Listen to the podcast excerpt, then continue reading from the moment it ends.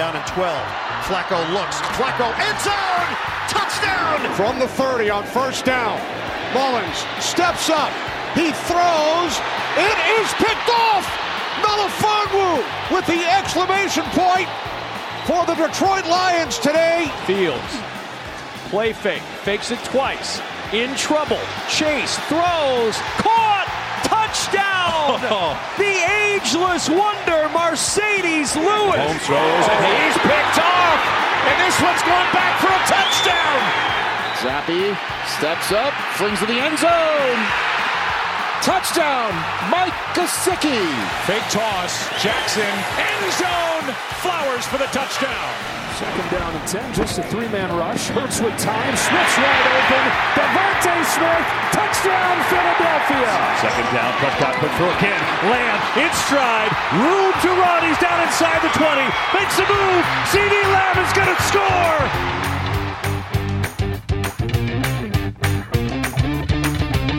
Dit is NFL op woensdag, jouw Nederlandstalige podcast over de NFL, de National Football League. NFL op woensdag is een productie van het Groningse podcastconglomeraat KVM Media, Pieter en ik.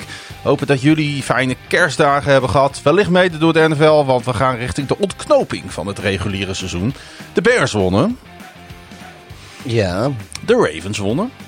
zomaar ook even. Tijd om te proosten op een nieuwe aflevering van eh, NFL op woensdag.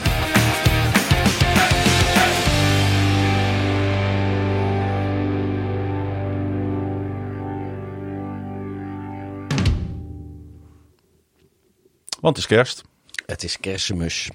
En ondanks dat, of dankzij dat, zitten wij gewoon op de zolder van KVM Media om een nieuwe aflevering van NFL op woensdag op te nemen. Pieter, hoe is het met je? Heb je een beetje leuke dagen achter de rug? Ik heb gewoon gewerkt. Zoals dat. eh, Ik heb je ook nog in de kroeg gezien. ja, maar dat was kerstavond en dat telt niet echt. Hoort toch ook bij kerst? Ja, in, ik vind in, in, in Europa niet zo. In Nederland niet zo. Ah, In, nee, kerstavond is in Nederland niet, niet echt een ding. We hebben tweede kerstdag, dat hebben heel veel andere landen niet. Nee. Maar wij hebben met kerstavond als, als Nederland volgens mij dus niet all, zo all you need is. Ik heb geen idee. eh, is dat All You Need is Love-avond? Ja, dat is toch altijd de kerstaflevering van All- Ik heb, ik heb een klein stukje gezien. eh, lag alweer eh, t- huilend eh, onder de bank. Is dat, eh, ik, dat, we, we hebben het er in de kroeg even over gehad. Dat is met Robert ten Brink en de Ja. Airstream, toch? Ja, ja maar eh, nee, ik, ben, ik ben nog met de kroegeigenaar van PL nog even ten kerke geweest. Dat, eh, dat weet ik wel. Ja, eerst, eerst in de kroeg, eh, toen naar de kerk en toen weer terug naar de kroeg. Beetje naar goed katholiek gebruik, hè? Tussen kroegen en kerken zit maar weinig verschil. Tussen kroegen en kerken was ook niet zo'n programma. Nee, dat is een liedje. Tussen kroegen en kerken. Maar dat is toch ook zo'n programma? weet je, Ja, dat zo'n soort, zo'n soort ontdek je plekje-achtige dingen. Maar ik weet ik. Ik heb geen idee, ik- Pieter. Ik ook niet. Hey, maar de wij, luisteraars wel weer horen. Ik, de laatste keer dat ik televisie keek, eh, hadden we nog drie zenders. eh, en, eh, of twee Nederlandse zenders. En, een, en, en Duitsland één en BBC één. En je moest nog naar de televisie lopen om te zappen. wij dachten om het een beetje feestelijk te maken, trekken we een flesje wijn open. Ja, dat lijkt me goed. Dus bij deze zal ik even de kurk eruit proberen te krijgen. Ja, het was of wijn, of een fles wijn, of een fles Salmari. Ah, kijk, daar is hij. maar Even aan de kurk ruiken. dan met z'n tweeën een fles Salmari op de... Op Nee. de- ik wil kerst graag niet in het UMCG eindigen. Dus eh, nee, ik heb een, eh, een flesje Portugees opengetrokken. Een eh, mix tussen ehm, een Cabernet Sauvignon, Aragonés en Syrah. oh, weet, weet Dus je een, nog, een toen, blend. toen wij begonnen hadden we het altijd over bier. Ja, we zijn wat dat betreft klimmen we we wel wijn- omhoog op de ladder. We eh. zijn nu een wijnpodcast We hebben nu een, eh, een Vino, Vinho Tinto uit 2020 uit de Portugese regio eh Alentejano. Alentejano Eh, ja. of zo. Alentejano. Weet je, die Portugezen praten altijd een beetje alsof ze een hersenbloeding gehad hebben. Ja. Dus je krijgt van mij een Een, lekker eh, glaasje wijn. ja, ik vind een Portugees klinkt als een dronken Braziliaan of andersom. Ja, het wordt dezelfde taal gesproken toch? Ja maar, ja, maar het is niet helemaal hetzelfde. De ene klinkt, wat, wat, de ene klinkt als de dronken versie van de ander. Volgens mij is, of is Braziliaans dan de dronken versie van Portugal? Weet ik ook veel. Dat, eh, Nou, ik hoop dat, dat die smaakt, Pieter. Nou ja. Ik heb nog een fles eh, uit de Douro eh, staan. oh ja, uit Die is, wat, 2018. die is wat pittiger. 2018, ja, ik, heb even, de- ik ben even de wijn- wijnkelder ingegaan. Ik denk even goed. Maar goed. Maar jij zei, ik moet een beetje licht beginnen. Ja, nou ja, goed. Ja, weet je, we eten er niet bij. Dus Nee, dan, nee, dan nee. hoef ik... eh, kijk, ik vind... er is Werd, niks- eh, werd trouwens gevraagd aan ons nog. Hebben we nog wat gegeten? Wat, en wat is je favoriete kerstdis? Mijn favoriete kerstdis. Ik, nee, ik... ik je hebt niet een oh, favoriet gerecht? Waarvan je denkt, oh, vind ik altijd wel lekker. Oh ja, of dat doet ja, me denken aan kerst. Nee, ik vind, weet je, een lekker, lekker beenhammetje of zo vind ik altijd wel Oh ja. lekker met kerst. Of eh, Rolade. Rollade. wel- Ja, ik vind het, maar ik vind rollade vind ik niet per se speciaal of zo. Ja, nu is beenham dat misschien ook niet, maar toevallig aten wij dat vroeger eigenlijk eh, alleen op feestdagen. Ja, zo'n soort en, en rollade, dat, dat, dat, dat verraten we sowieso Ja. wel. eh, dat, dat. Maar wat ik, eh, wat ik, waar ik dan weer helemaal niks mee heb, dus, dus wat ik, waar, waar, waar ik gewoon op wil haat, is gourmetten. Oh dat, ja. Ik vind dat, dat is eten met hindernissen en dat duurt. En dat, met hindernissen. Ja, joh, dat is het wel een is, beetje. Het is gewoon, ja, je, je, je krijgt honger tijdens het eten, want je moet steeds wachten op zo'n van die kleine liflafjes en van die kleine Bra- klote pannetjes. Brandwonden op de polsen. Ja, nou, dat, dat dan nog niet zo, maar... En, dan, en, dan, En je huis stinkt er nog vier ja, dagen na. Ja, en, en dan ligt al dat vlees ligt daar een beetje lauw te worden op tafel, eh, of totdat je het in de pan mietert. En, en denk ik, jongens, ga gewoon koken en eten en, en dan kun je daarna weer wat leuks doen in plaats van... dat is natuurlijk ook kerst met familie. Je zit al de hele dag tegen je familie aan te kijken. En dan, en dan ga je ook nog dwingen om, om urenlang met z'n allen aan tafel te zitten. Misschien hebben andere mensen een leuke familie hoor. Maar nee, ik heb ook een leuke familie. Maar ik, ik hou gewoon niet van gourmetten. Nee. Ik heb er, ja... Nou, ik heb niet gegourmet. Ik heb gisteren eh, ben ik bij de schoonfarm geweest. Ja, jij hebt een ree geschoten van en de ik week, heb toch? vandaag heb ik reebout klaargemaakt. Ja, maar dat heb je eh, eerder deze week afgeschoten, toch? Ja, in Polen. Ja. Ja, want hij eh, die, die liep eh, in de weg. Nee, of lag hij langs de weg? nee, dat je zegt dat je hem afgeschoten Nee, hebt. keurig besteld. Maar dat was wel lekker. Eh, ik, ik, ik hou wel van een stukje wild. Dat, vind ik, dat eet ik nou echt nooit, behalve in een restaurant af en toe. Zat er ook eh, nog hagel in? Nee, nee Ik, er eh, had, werd wel voor gewaarschuwd Ja, eh, ik, ik, op de eh, verpakking. Ik, ik las eh, van de week iets dat... eh, Zou- het wa- zou eens even proosten. oh ja, even proosten. Op de, nou, op de laatste aflevering van dit jaar. eh, de laatste reguliere aflevering. Och jee, dat ook ja, nog. dat, eh, Hoi. Want wij nemen natuurlijk de la- volgende reguliere op naar de volgende speelronde. En ik zat even in de agenda net te kijken. Dat is 2 januari. Zo'n lekker wijntje dit. Ik, eh, ik, kan hier neem wel wat mee. even, eh. Maar ik las dus eh, van de week iets over een... eh, ja, dat deed ik net ook al, maar ik deed het niet in de microfoon. Wat is even een slikje hier. Maar er was een of andere vrouw die, eh, die moest in de, in de, hoe heet dat ook alweer? Als je MRI-scan, dat is, eh, daar- dan, dan rollen ze je lichaam in zo'n magneet, toch? Dat is, de MR, is dat de MRI? Ja, is volgens mij de MRI. Ja, dat zou kunnen. Ik ben, kom zo weinig mogelijk in ziekenhuizen. Maar eh, in ieder geval, die, die, op de een of andere manier hadden ze daar nog een röntgenfoto of zo van gemaakt. Of weet ik veel wat. Maar die kwam op het laatste moment. Werd hij als een sodemieter werd hij de MRI-machine weer uitgetrokken. Want eh, heb je wild Ah. gehad? Ja, want er zat nog een, een, een, een hagelschot ergens in de, in de spijsverteringskanaal. Ja. En eh, ja, als je dan dat dingen aan... Dus wat kun je dan loodvergiftiging krijgen of zo? Nou ja, dat, niet alleen, maar in zo'n MRI-scan dat is zo'n sterke magneet. Dat die trekt gewoon dat, eh, dat schot hagel trekt die, trekt die uit je lichaam. En dat gaat met de kortste weg. Dus niet per se van boven of onder, maar gewoon dwars door je lijf heen. En dat is natuurlijk niet zo best. Jemig. Daarom mag je nooit mee. Er was toch ook een vrouw, eh, was volgens mij ook een vrouw in Amerika, die had, eh, die had nog. eh, ja, mag je niks metaals aan, weet je. En, en dan en, had ze nog een, een wapen, een vuurwapen. Had ze een pistool of een revolver, weet ik veel. Had ze, ja, en dat ding dat ging door de magnetische kracht van dat apparaat ging die af. En toen, en toen schoot ze er zelf in haar been in dat apparaat. Maar ja, het is... eh, Dat klinkt wel als iets wat in Amerika zou kunnen gebeuren. ja, dat, dat, ja dat, dat, dat is... Jeetje. Maar, maar in ieder geval, ik las, eh, ik las iets van een ik een, er was iemand met een, met een hagelschot in de, in de MRI-machine en dat eh, was bijna misgegaan. Dus ik weet niet hoe, of de hagel in je, in je, in je ree zat. Ik heb het niet kunnen ontdekken in ieder geval. Ik Maar zei- ik, had, eh, ik, had een, ik had het achterbout van de ree, eh, 3,3 kilo. Dat was ook eigenlijk te veel natuurlijk. voor- dus dat, eh, twee uurtjes in de oven, ingesmeerd met knoflook, rozemarijn en oregano. Knoflook eh, eromheen eh, van diverse kruiden. Ja, dat is wel leuk om een keer klaar te maken. Ja, Dat is niet iets zeg maar, wat je als je maandag uit je werk komt eh, iedere keer in de oven gooit. ja zat, eh, zat de hoever ook nog aan? Ja, de, de, ja. Hm, heb je die nog even netjes opgeveld? Eh, ja, Beetje kerstnagellak erop. tuurlijk. maar eh, nee, ja, goed. Ik heb op zich goede kerstdagen gehad. Ik moet wel zeggen, ik ben helemaal gebroken. Dat heeft met een aantal dingen te maken. Eén, ik heb natuurlijk afgelopen nacht eh, de, Sunday night, of de Monday Night Football gekeken. Helemaal tussen de Ravens en de 49ers. Ja, en ik heb twee dagen te dealen gehad met kinderen.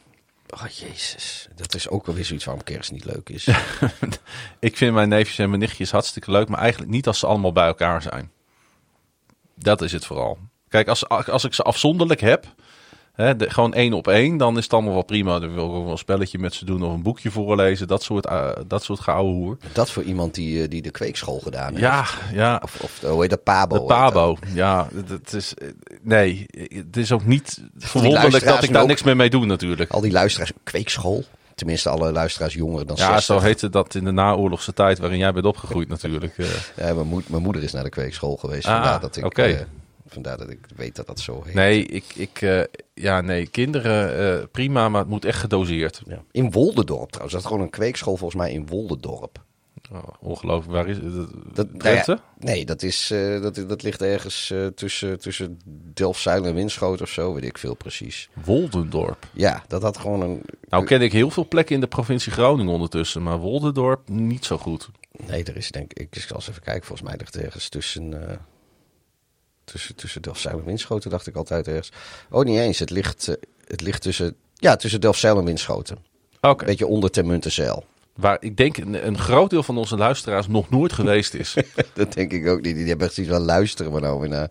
Weer zo'n zo'n spectaculaire speelronde in de NFL. En die jongens die praten Nou. over wijn en ree en, en MRI-machines en Woldendorp. ik, ik weet je, meestal, laten we daar maar gewoon eerlijk in zijn, als wij aan de wijn gaan, gaat het mis.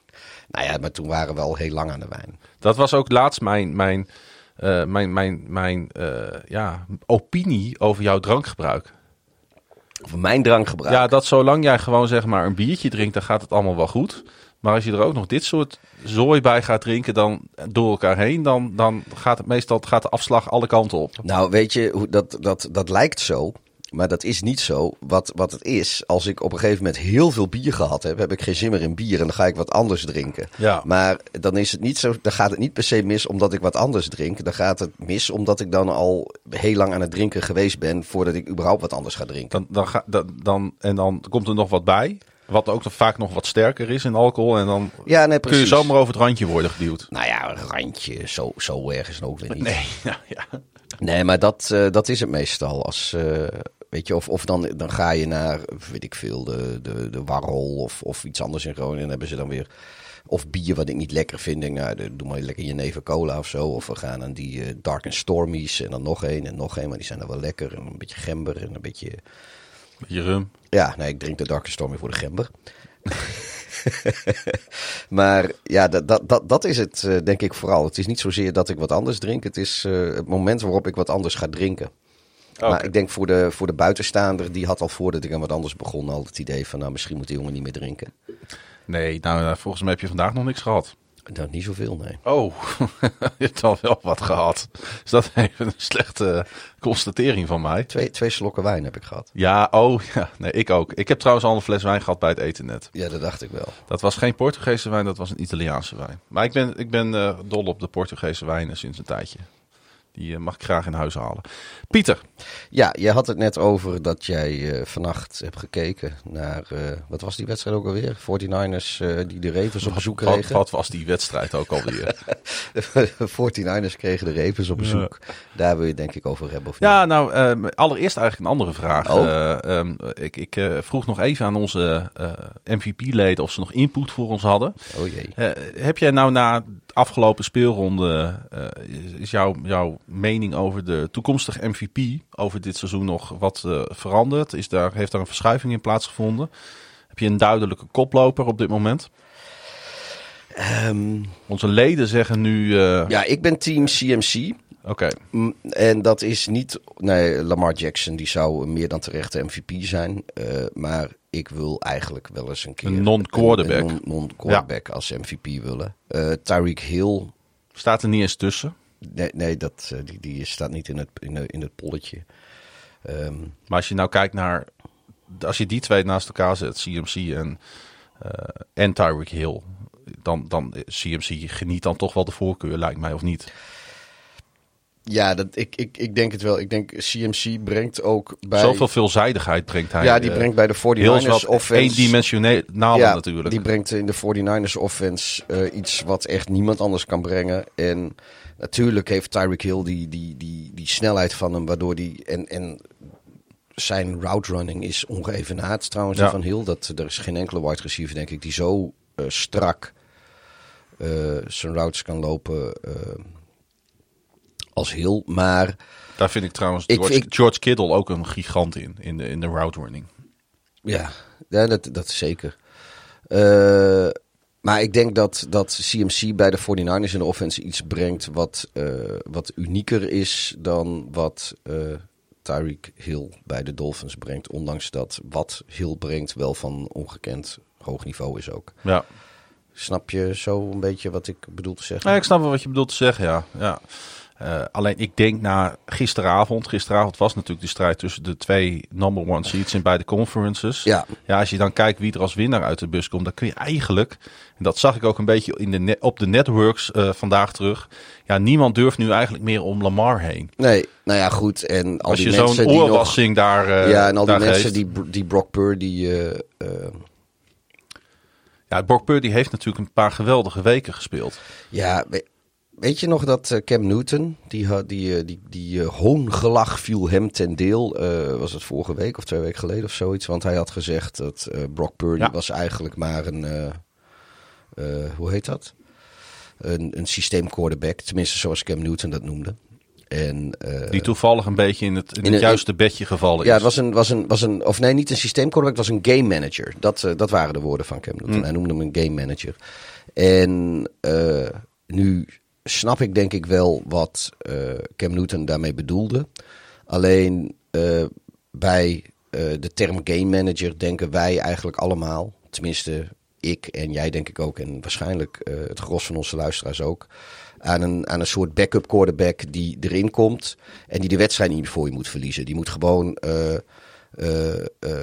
korte pasen, dinken, danken, eh, naar, de, naar, de, naar de safety valve. eh, Mhm. Gewoon de bal niet verliezen en het veld oversteken en zorgen dat andere mensen de plays kunnen maken. Een beetje de Gardner Minshew meridiaan. Eh, ja, nee, want de Gardner Minshew is, is gewoon zeg maar een, een. Dat is niet echt een game manager, want die- die, neemt ook echt genoeg risico in zijn spel. En dat pakt vaak goed. Dat die kan een wedstrijd voor je winnen. Hm. Nee, een game manager, dat is zeg maar.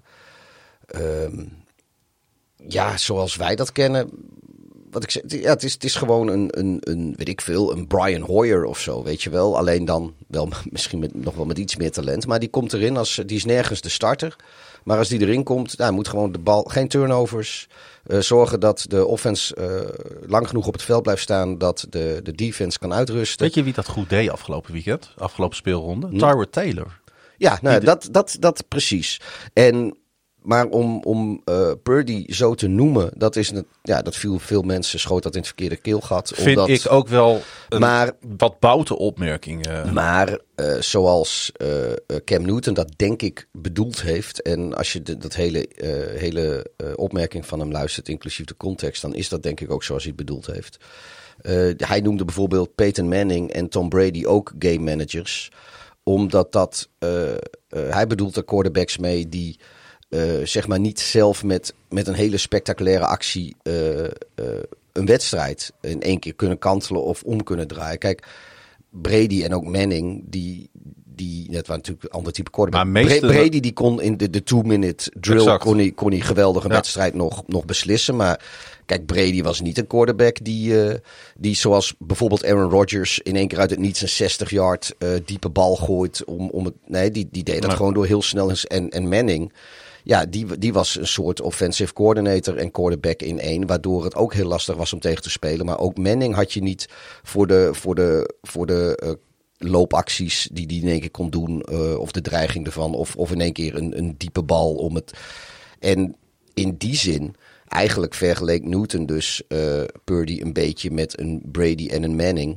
Ja. En- en- Maar ik denk dat heel veel mensen ook wel overeenkomsten zien tussen Brock Purdy en Tom Brady. Ja, nee, dat, dat is ook wel zo. Alleen, eh, nou ja, eh, vannacht ging hij dan, eh, dan wel even door het ijs. Ja, maar denk je niet dat Tom Brady in zijn eerste vijf, zes eh, seizoenen Oh, eens een keer door het ijs is gegaan? Maar- Dat hij niet eens een keer een vier interception game gegooid heeft. Sterker nog, hij heeft er zes gegooid. Ja, nee, tuurlijk. Alleen ik denk ook dat, weet je, de, de hemel is ook niet op het hoofd gevallen van, van de 49ers of van Brock Purdy. nee. Maar eh, ik denk wel dat Purdy misschien iets te gehyped is. Kijk, hij, hij had heel veel criticasters, maar ja, de Niners bleven winnen en Purdy speelde gewoon verschrikkelijk goed. Dus eh, Toen had hij natuurlijk de pech afgelopen playoffs van vorig jaar dat hij ja, Ja. eh, geblesseerd raakte. ja, Hij is nu ook niet helemaal fit meer. Dus het begint nu ook alweer eh, wat fysiek ongemak op te treden bij hem. Dus het is ook even de vraag hoe hij richting die play-offs gaat. Want de Ja. 49ers gaan natuurlijk wel play-offs spelen. We het gaan is het, eh, toch gebeurd hè, trouwens, de vader-zoon ontmoeting. Ja, John Harbaugh en, en Brock Purdy. Ze lijken wel heel veel op elkaar. Ja, Ja, mooi is dat. Hey, eh, nog, nog, nog even een ander vraagje voordat we ons ook nog even op die eh, wedstrijd van afgelopen nacht richten. Voor ons afgelopen nacht. mensen die luisteren is het alweer een dagje eerder. Hey, de, de coach van het jaar verkiezing. Dat is natuurlijk een, wel een interessante, want er worden nogal wat namen genoemd. Dan Campbell onder andere natuurlijk van de Lions. Maar ook eh, Mike McDaniel natuurlijk, hè, die de, de, de Dolphins eh, naar een hoog niveau brengt. Heb Mhm. jij een, eh, een frontrunner of een naam waarvan je denkt, ja, voor hem zou ik het wel leuk vinden? nou, op- op, dit moment is het denk ik toch wel... Of misschien wel Harbo, ondanks Nee, ik- staat van dienst. Nee, ik, ik denk Dan Campbell voor mij op dit moment. Omdat hij, he- hij begon natuurlijk heel goed met de Lions. Toen hebben ze daar echt midden in het seizoen, of, of zeg maar op, op drie kwart van het seizoen, eh, hebben ze eh, echt wel even een, de problemen daar gehad. Een aantal, aantal wedstrijden lang. Ze verloren natuurlijk wat. Ze hebben van de Ravens heel dik verloren. Ze hebben van de, van de Bears één keer verloren en één keer bijna verloren. Ze, eh, er was nog een. Oh, van Green Bay hebben ze verloren met Thanksgiving. En het, het, het- de show leek er een beetje af in, eh, in Detroit. Maar ze hebben zich toch weer gewoon herpakt. En eh, de titel in de NFC North veroverd. Met nog twee speelrondes te gaan. Wat op zich ook al een, een prima prestatie is. Ja. En ja, dat. de, Ja, hij heeft ook, ik vind ook echt dat Dan Campbell wat heeft toegevoegd aan de NFL de afgelopen twee Ja, jaar. maar ja, wat ik zeg, weet je, hij heeft, hij heeft iets goeds neergezet. Uiteindelijk eh, ging het allemaal wat minder. En hij heeft het midden in het seizoen, zonder dat ze al te veel averij hebben opgelopen, ook weer op poten gekregen. En dat, eh, dat vind ik gewoon. Maar heb eh, jij niet, knap. heb jij niet het, ook het idee bij de Lions, om toch nog even bij de Lions stil te staan, dat zij op dit moment met hem een dusdanig stabiele basis hebben staan, dat het alleen nog maar beter kan worden de komende jaren daar? Eh, ja, dat, dat moet nog blijken. Maar ik heb wel het Eh, idee dat zeg het- maar, het- niet zoveel uitmaakt welke quarterback ze daar neer gaan zetten. Omdat de basis gewoon super stabiel aan het worden is. Ik, ja, als, als zij gewoon, eh, zeg maar qua spelersbeleid, er niet zo'n puinhoop van maken. Wat ze in het verleden ook wel eens gedaan hebben. ja, dan, dan zouden de Lions voor de komende jaren in ieder geval een, een, een, een, een factor van, eh, van, van betekenis moeten zijn in de NFC. Dat denk ik ook. Ja. Ja. En dat zijn ze niet gewend aan. Dus dat is wel leuk voor de mensen. Nee, en het is ook zo, kijk, weet je, je kan natuurlijk altijd daar weer... het zou het zijn als ze nu geks- die eerste playoff wedstrijd gelijk eruit vliegen. Ja, maar die, die kans, dat, dat kan Dat natuurlijk. kan natuurlijk, maar dat zou wel onwaarschijnlijk sneu zijn. Ja. Eén playoff overwinning in, hun hele, in de hele Super Bowl era voor dit team. Hè? Dat moeten we niet vergeten. Ja, dat, eh, dat moeten ze verdubbelen, denk Ja. ik. eh, dit. Nee, maar het, het, het, het hele idee ook van, weet je, dat verleden, dat moet je op een gegeven moment ook een keer laten rusten. Want niemand van die Zeker. Lions zit er nog anders dan de, de familie Ford. Maar daarom is En- Campbell en- en ook zo de goed toeschouwers. bezig. Ja, en de toeschouwers. En verder zijn ze daar gewoon bezig om een prima organisatie neer te zetten. Ik geloof ook De man heeft voor een nieuwe cultuur gezorgd. ja, ik geloof ook niet zo dat bepaalde. Hoe, hoe, hoewel het heel vaak zo lijkt te zijn, geloof ik toch niet dat bepaalde dingen in, in het DNA van een organisatie zitten. Dat, dat, dat eh, weet je. Kijk, de Browns die zijn natuurlijk ook heel lang heel slecht geweest. En, maar, maar toch, en, en, en, de, en de Jaguars. Maar je hebt ook teams als de Jets die in het verleden wel eh, meespeelden, eh, die, die dat nu niet doen. Ehm, ja, op een gegeven moment dan is, zijn, zijn op alle bepaalde posities zijn de poppetjes veranderd en alle spelers zijn veranderd. En dan kun je nog steeds pech hebben. En als je dan pech hebt, denk je, same old Lions, same old Browns, same old Jaguars, same old Bears, noem, noem al die teams maar op. Maar als het dan wel weer goed gaat, denk je, oh ja, nu... eh, het, het is ook confirmation bias. Als, als, als de Ravens of de Steelers of de, of de Packers of, de, of de, de Patriots, als die een klote seizoen hebben, hoewel de Patriots er nu al een paar van hebben, dan denk je van ja, weet je, dat is even een incident en een rebuild jaar en dat komt straks allemaal wel weer goed.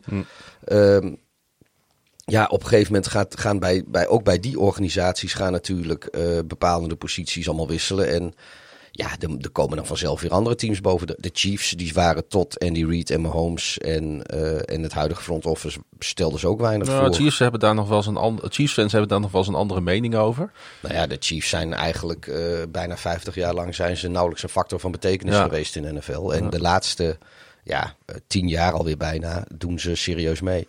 Als ik zou mogen stemmen, nu op dit moment op coach van het jaar, dan zou ik voor Stefanski gaan, de headcoach van de Browns. Ik vind het eh, eh, bewonderenswaardig wat zij daar neerzetten, ondanks al hun eh blessureleed. En met name op quarterback natuurlijk. Ja, de manier waarop hij, Joe Flacco, die er vorig jaar bij de New York Jets echt helemaal niets van bakte. Hoe hij die oude Flacco weer, weer, weer boven heeft, naar boven heeft gekregen. Ja. En überhaupt dit team managed. Ik denk wel Al een trouwens, paar jaar lang. Voor Vlekko is het wel goed geweest dat hij er een, eigenlijk een vol jaar uit geweest is. Eh, want dat is natuurlijk wel, met, want dus, eh, de voorgaande twee seizoenen dat hij nog speelde, stelde die arm van hem eigenlijk ook geen reet meer voor. En dat is nou het enige wat, eh, wat hem eigenlijk Nou, hij ziet er echt super fit uit op dit moment. Ja, nee, maar ik denk dat op, op zijn leeftijd dat, dat een jaar, een vol jaar niet spelen. Want tuurlijk, die, die, die een soort van, pijntjes soort, en die voor- soort van sabbatical, zeg maar. Ja, en, en hij, natuurlijk heeft hij zichzelf wel in conditie gehouden. Anders had hij natuurlijk helemaal niet meer kunnen spelen. Maar dat, dat, dat, dat daar eh, eigenlijk een jaar lang eh, geen enkele overbelasting op geweest is. Op, op, op zijn arm en op zijn schouder. Want ja, nogmaals, dat, dat was eigenlijk het probleem. Ehm, Maar Pieter, dat, dat, dat, dat, is gewoon goed voor hem geweest. Dat heeft ze helemaal kunnen herstellen. ja, maar dat de Browns met kerst nog meedoen om de titel in de AFC North, dat, dat heb ik nog nooit meegemaakt. Nee, dat is op In de afgelopen een- dat is- 20 20 jaar, dat, 10, 20 jaar dat, we deze, dat ik deze Ja. sport volg. Nee, klopt. Klopt. Dus ik, eh, ja, ik zou hem eigenlijk wel willen nomineren. Goed, eh, Pieter, zullen we gewoon eh, even eh, zo, zo rap mogelijk door de wedstrijden heen gaan? Laten we dat doen. En dan kijken we natuurlijk vooral naar de play-off implicaties.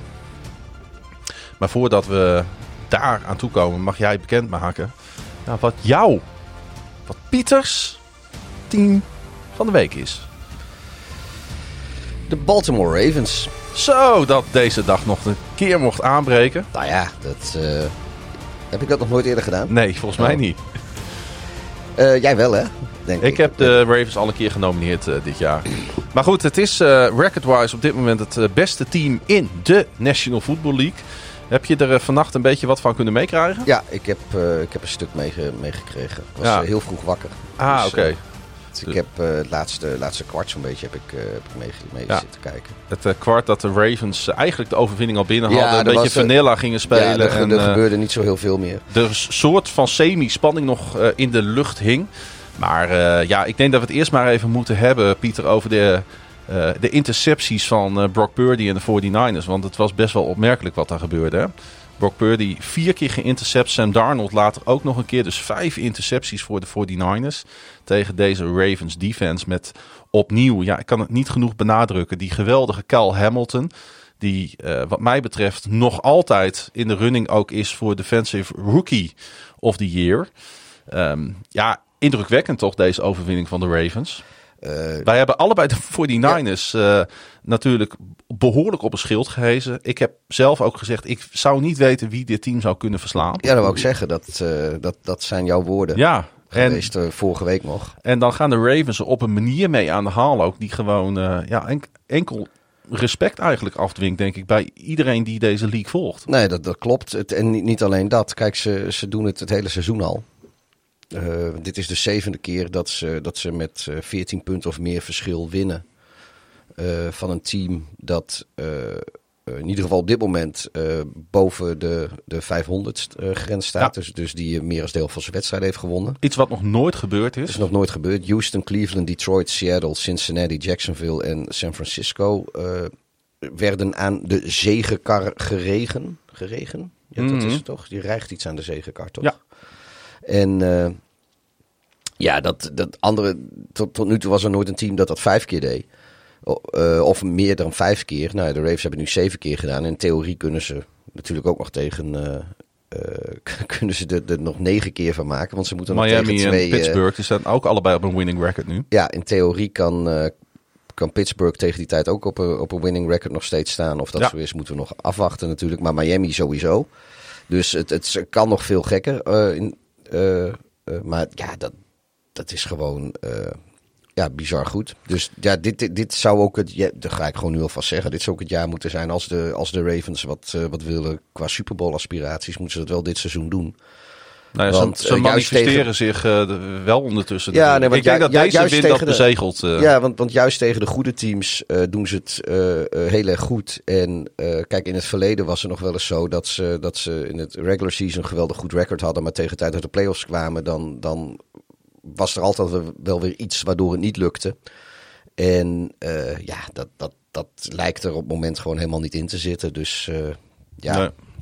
Lamar Jackson die ja, eigenlijk weer een beetje aan het terugkeren is, denk ik, op dat 2019 MVP-level. eh, Alleen doet hij het nu iets meer door de lucht en iets minder over de grond. Maar als hij het over de grond doet, hij had één geweldige run. eh, over een yard of eh, 30, eh, 35. de- waarbij hij zelfs Fred Warner in de luren legde. Legde. Nou, als je hem in de luren legt, dan ik denk dat dat de beste stopper is in de league, zo ongeveer. Ja, ik, eh, ik, ik was echt onder de indruk. Het begon allemaal een beetje moeizaam van beide kanten. Met een gekke safety. eh, waarbij Ja. Lamar Jackson struikelde over de tenen van een official. Ja, er was een umpire die, eh, die onderuit ging Ja. inderdaad. Ja, het zag er allemaal heel knullig uit. Ehm, die umpire kon er ook niet zoveel aan doen. Nee, die, want het was die al... liep backwards natuurlijk. Ja, niet alleen dat. Dat Het- is het- voor niemand makkelijk. Nee, maar het was, dat moet ik wel zeggen, het was ook wel heel bizar dat, eh, dat überhaupt Lamar Jackson nog in de endzone terecht kwam. Want eh, Ja, de, de- play begon op, was, de, eh, begon op de ja. 20-yard line of zo. Dus hij was al 20 yard naar achter gelopen. Ehm, Ik vond en- het ook verdiend hoor. En hij kreeg de bal natuurlijk niet ja. over de line of scrimmage meer. Nee, dus ik denk ook van, als, als die umpire er niet had gestaan, was het ook een safety geweest. Ja. Dit, dit was wel extra knullig, maar eh, het is niet de schuld van de umpire in die zin. eh. Nee, en toen begon Purdy zijn intercepties te gooien. ja, Eh, onder andere natuurlijk op Hamilton. Eh, ja, eh, dit, dit, dit, dit was wel pijnlijk. Eh, ik vond het zeg maar, ik, ik zit er natuurlijk als Ravens fan naar te kijken. Maar ik voelde zeg maar wel de, de, de, het ongemak van Brock Purdy. Ja, en dat stadion wat steeds stiller werd. Dat stadion wat steeds meer leeg begon te lopen op een gegeven moment natuurlijk ook. Ja, dit zijn de 49ers eh, eh, de laatste eh, pakweg twee jaar natuurlijk helemaal niet gewend, Pieter. Zo'n Nee. Ja, vernedering in eigen huis. dat zit, alles zit ook tegen. Ehm, ik bedoel, kijk, er was op een gegeven moment ook een interceptie van Hamilton. Dat, ja, hij gooit George Kittle eigenlijk vol op zijn borst. Dus daar was, eh, daar was weinig... eh, Dat was een schouderdeflectie van de, van de bal, hè? Ja, nee, maar goed, weet je, da- daar deed Purdy niet zoveel verkeerd. En eh, ja, dan, dan vliegt die bal in de lucht. En Maar kijk, het- die zitten er wel tussen. Maar het- kijk, ze, Die de- Ravens defense, die staan er wel in de hè? buurt. Ja, die staan er wel in de buurt. Dus dat, Ja. dat, dat, ja, daar train je ook gewoon op. Is dit ondertussen de beste defense in de league, vind je? Die van de Ravens? Kun je dat na week 16 wel zeggen? Als je ziet wat, hoe zij eh, al die high-flying offenses aan de, band, aan de band leggen dit seizoen. Of het nou Seattle is, of het nou San Francisco is, of het nou eh, Detroit is. Ze halen overal eh, het, de, de angel eruit en zijn ook nog eens heel dominant met al die turnovers. Ja, ik, ik, ik, vind, dat, ik vind dat lastig te zeggen. Ehm, Het gaat een beetje tussen de Browns en de Ravens voor mij op dit moment. Ik, ik, zie niet ergens anders een defense die zo dominant is als van deze twee teams. Ja, ik, ik vind de, de, de, de Ravens defense is, is meer flashy dan die van de Browns sowieso. Eh, ook, ook, met, ook qua turnovers. Ehm, ja, weet je, het zijn twee compleet verschillende ty- types offense. En eh, ja, ik, ik, ik, het, zijn, het gaat inderdaad tussen die twee, maar ik, ik, ik weet niet of, of, of de een nu beter is dan de ander. Ik, ik, Nee. ik weiger eigenlijk ook een beetje de Browns eh, eh, af te schrijven. Kijk, wat de Browns hebben natuurlijk wel eens het probleem dat, dat hun offense eh, gewoon veel minder is dan die van de Ravens. Ja, toch. En ja, nee, maar ik bedoel qua, ook qua time of play en, Ja. en weet ik wat. Dus, dus die hebben het ook veel lastiger. Ik denk als je de, de, de, de defensive units van die twee teams zou wisselen. Dat, eh, dat de Browns defense, eh, zeg maar, als, als, het, als dat- de verdediging van de Ravens was geweest, met, met, maar wel met de Ravens offense, nou, ja, dan, dan was dat ook een, een juggernaut om. om eh, die, die zou het een stuk beter doen dan dat ze het nu doen. Dus in die zin denk ik misschien stiekem toch wel de Browns. Maar als je kijkt hoe de wedstrijden zich ontvouwen op het veld. En dat is tenslotte waar het, eh, waar het om gaat. Dan denk ik dat de Ravens eh, misschien wel eh, op dit, deze fase van het seizoen met, met, met 15 wedstrijden gespeeld. misschien wel net aan ondertussen wat beter zijn dan, de, dan die van Cleveland. Zou je kunnen zeggen dat de Ravens eigenlijk sowieso op dit moment het sterkste team zijn? Want nu laten ze Ja. dit zien tegen de Ja. 49ers. Je ziet hoe moeilijk de Eagles aan hun overwinningen komen. Nee, het- het- ik bedoel, de hebben- Cowboys die nee, weer hebben- verliezen. We hebben vorige week, eh, hebben we inderdaad, en we doen wel wekenlang, zitten we San natuurlijk Francisco de allemaal veren in de eh, kont ja. te stoppen. En, en ondertussen won Baltimore ook gewoon zijn wedstrijden tussendoor. En niet altijd eh, even dominant, moet ik wel zeggen. Maar ja, dan spelen ze tegen elkaar. Ja, en dan, ja, dan laat, Ook nog on- Baltimore Ook niks op heel... on the road natuurlijk, Ja, naar de andere kust. Laat Baltimore niks heel van, van San Francisco. Ze zijn nu, Baltimore is natuurlijk ook een beetje de, de, de ehm angstgegner van San Francisco. Nou, want van eigenlijk, de laatste... eigenlijk van alle NFC-teams zo ongeveer. Hè? Ja, nee, maar eh, kijk, de, de 49ers die hebben nu geloof ik eh, van de laatste eh, vier wedstrijden hebben ze verloren van Baltimore. En dat waren, waren allemaal wedstrijden waarin ze beide top 1, top 2 of top 3 in hun eh respectieve co- conferences waren. Er zat natuurlijk een Super Bowl tussen, maar ook die wedstrijd waar wij bij waren vier jaar geleden in Baltimore. En nu van, vandaag deze ook weer, of ja, eerder vandaag. En er was er nog eentje voorafgaand aan de Super Bowl, maar die, die was in San Francisco. Maar daar weet ik helemaal niks van, want toen zat ik in een vliegtuig tijdens die wedstrijd. Maar die, eh, toen was San Francisco ook heel goed. En, Die wonnen de Ravens ook. en eh, Baltimore ook. Dus Ja. ze hebben vier keer tegen elkaar gespeeld in de afgelopen 10, 11 jaar.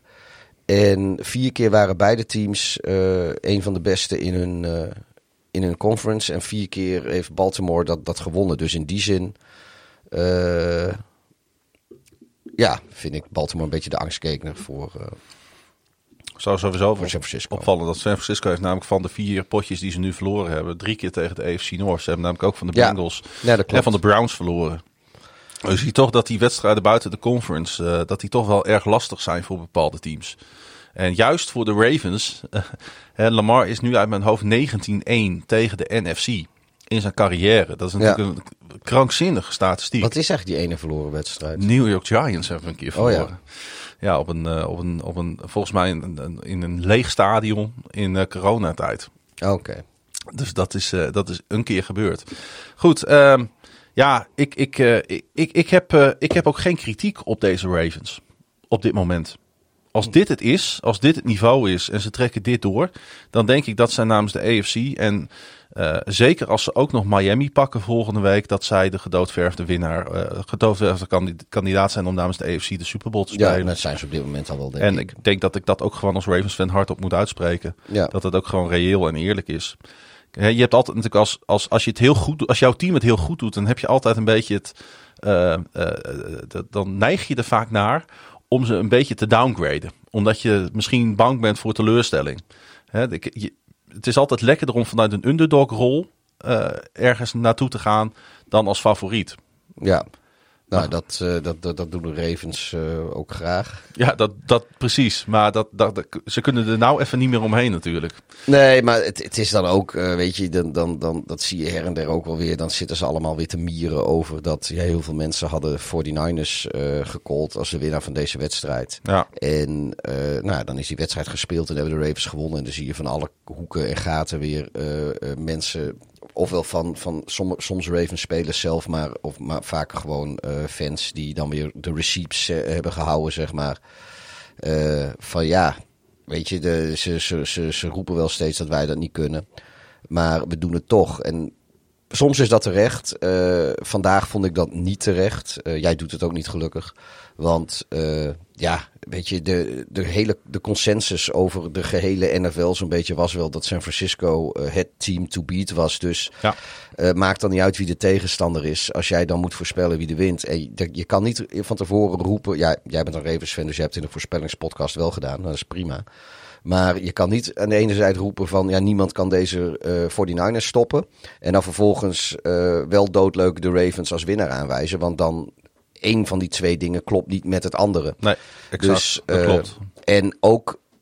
En er was niemand die, die zei van, uh, joh luister, de 49ers is helemaal niet het beste team in NFL. Dat is Baltimore. Dat heeft eigenlijk niemand gezegd. Ja, in, bij Baltimore in de kleedkamer dachten ze dat misschien wel, maar dat is prima. Dat is, uh, dat is ook goed. Ik denk dat de tien teams op dit moment in de NFL zijn die denken dat zij het beste team in de NFL misschien wel zijn. Ja.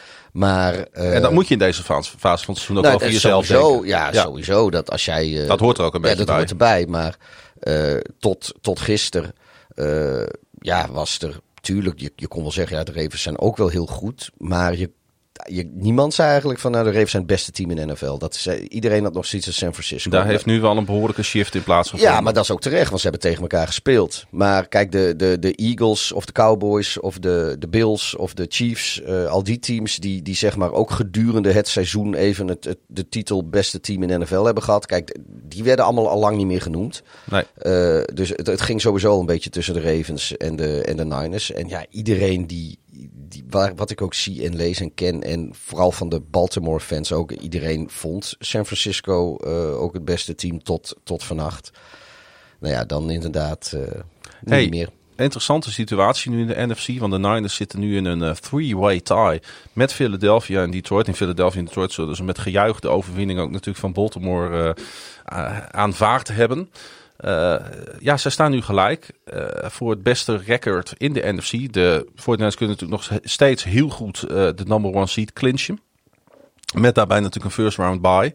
Als zij gewoon hun resterende twee wedstrijden winnen. Mm -hmm. Tegen Washington uit. En ik dacht de Rams in de laatste speelronde. Commanders en Rams. Um, dus dat lijkt op zich te doen. Al, alhoewel ik denk dat de Rams best als een bananenschil kunnen zijn voor deze 49ers hoor. Ja, ik, aan de andere kant... En dan ligt voor Detroit misschien zelfs ook wel weer een, uh, een route naar de eerste seed open. Ja, aan de andere kant hebben de, de Rams nu wel de pech dat... Uh, ja, dat, dat, dat, dat de Fortuins moeten. Die, die moeten nu. Ja. En ik de, het zou mij ook niet verbazen als de Commanders uh, komende week kind van de rekening worden. En dat de, de 49ers vinden dat ze even een statement neer moeten zetten na, uh, na vandaag. Niet zozeer voor de buitenwacht, maar voor, voor, vooral voor hun eigen momentum richting, uh, richting postseason.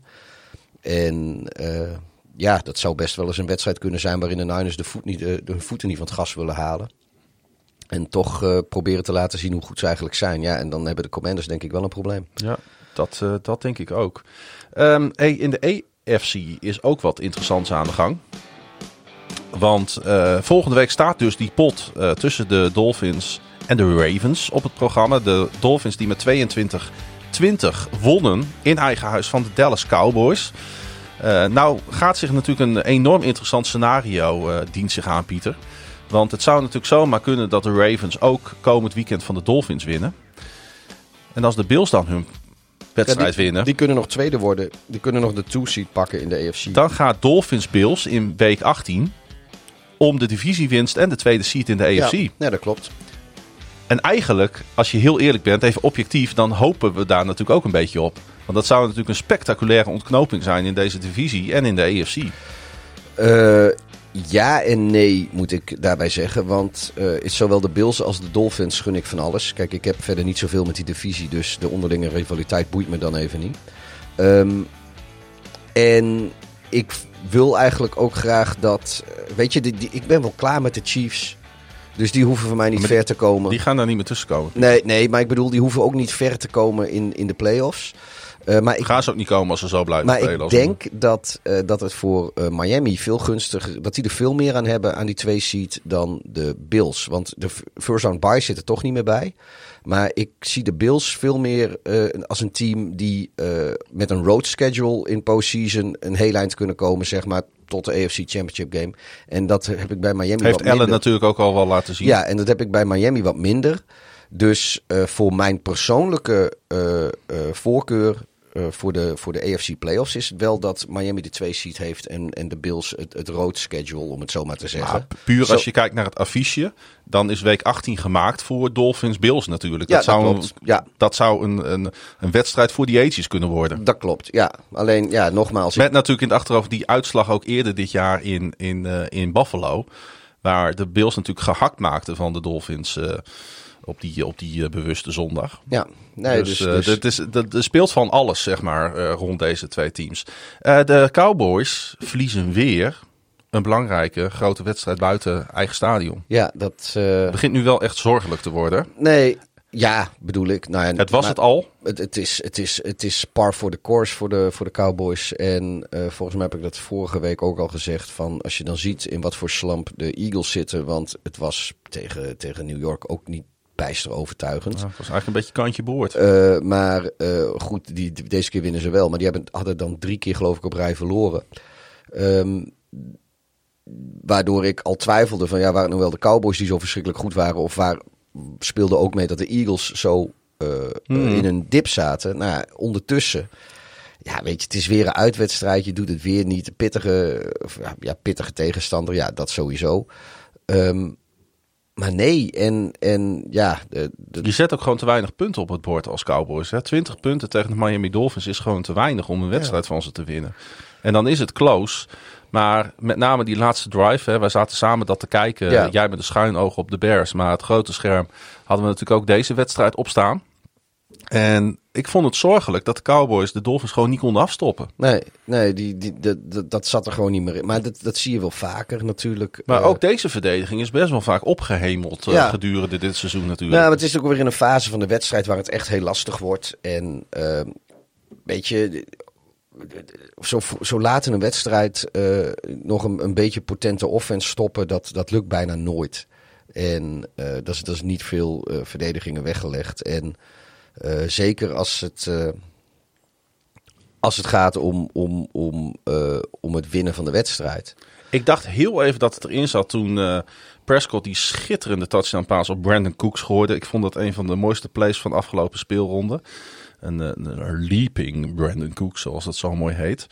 Ja, en... Uh, ik vond die touchdown van CD Lamb in de eerste helft was dat volgens mij, die vond ik, uh, vond ik verschrikkelijk. Maar dat was vooral ja. wat Lamb zelf deed. Maar sorry, ga verder. Nee, nee, goed. Nou hebben op zich de Cowboys met deze twee spelers sowieso patent op mooie uh, touchdowns. En dan komt inderdaad die drive.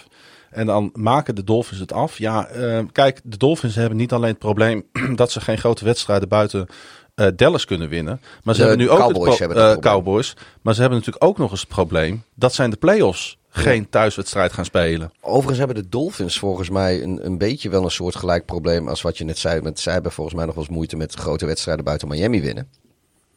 Uh, dit seizoen. Ja. Als ik mij uh, dat niet vergis. Um, ja, ze, kunnen, ze, ze kunnen komende zondag een statement maken.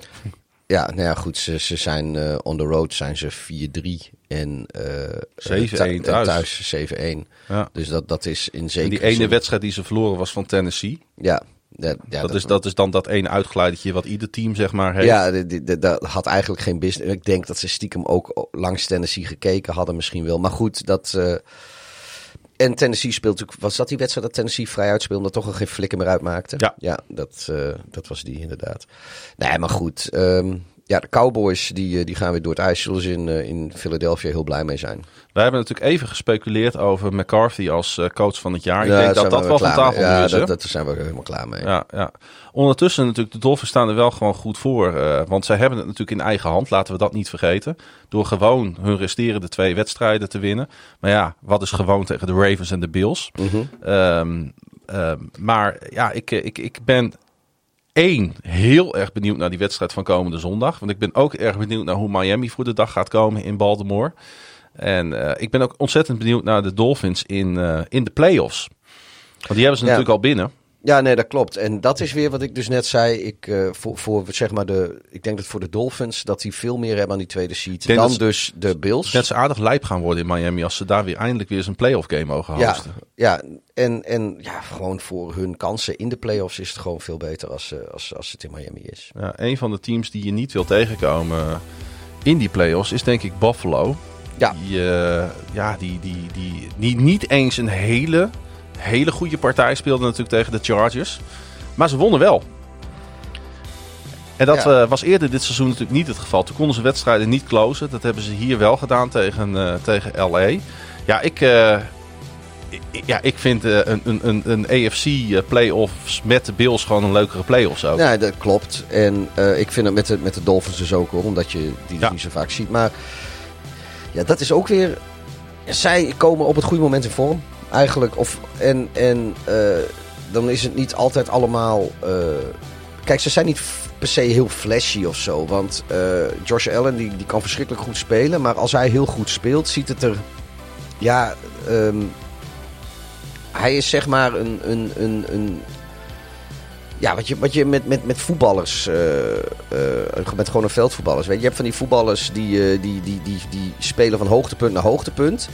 En je hebt ook van die voetballers die, eh, die doen eigenlijk gewoon heel stilletjes en heel braaf. Doen ze, doen ze alles wat ze moeten doen en dat doen ze verschrikkelijk goed. En die zijn heel erg belangrijk voor het team. Dan maar heel af en toe komt er eens een, eh, komt er eens een hoogtepunt uit. Maar eigenlijk, Paul Matthijs was zo'n voetballer bij FC Groningen. ja, Ja, het gaat natuurlijk wel over FC Groningen. Nee, maar ik, ik, weet je, ik vind het eh, met, met Paul Scholes had dat bijvoorbeeld. Eh, en, en ja, die had dan. Van Man United. Ja, die had dan Heb af je en toe. daar wat mee? Ja, nee, maar die had dan wel, wel af en toe zijn spectaculaire doelpunten.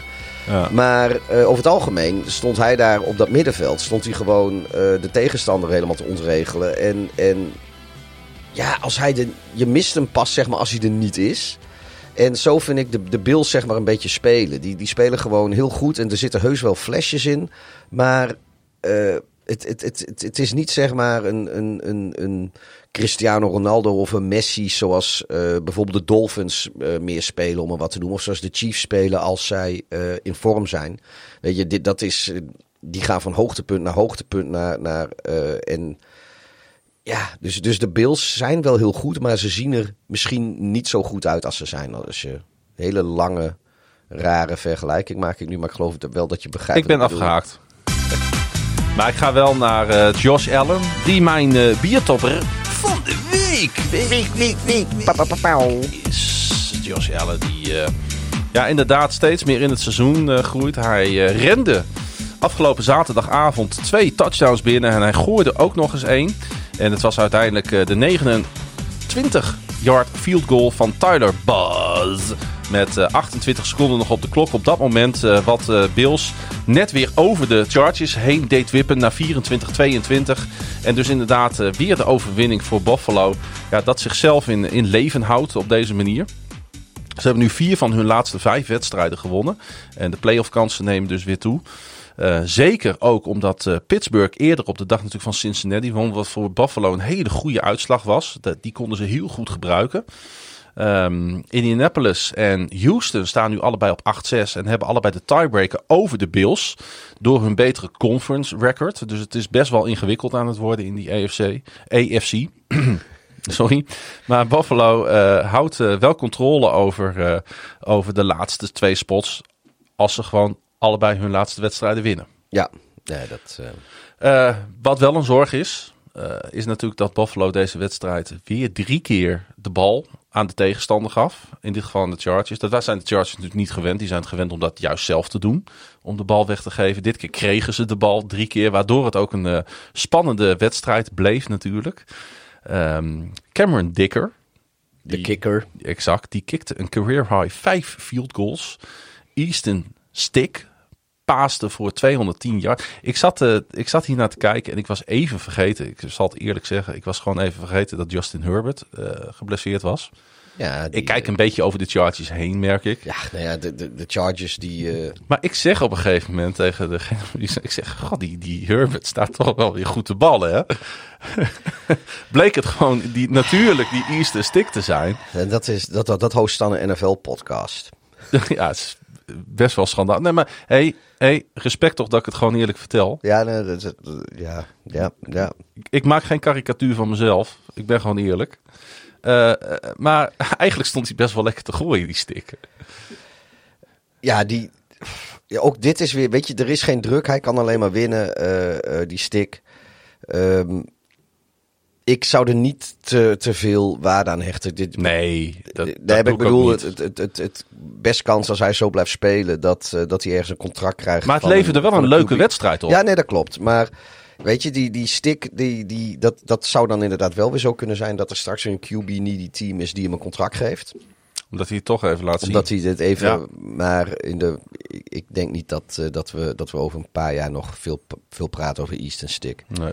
Het was alweer de 51ste career rushing touchdown van Allen.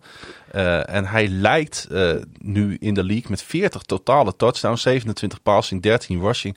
Ja, we moeten echt oppassen dat we niet over deze Bills en Josh Allen gaan kijken. Heen gaan ik, kijken. ik doe dat ook zeker Nee, niet. ik, daarom- ik zit ze al wekenlang op te hypen. Van Ja, die, ik die, ook. Die, vliegen echt dat postseason in, in een goede vorm.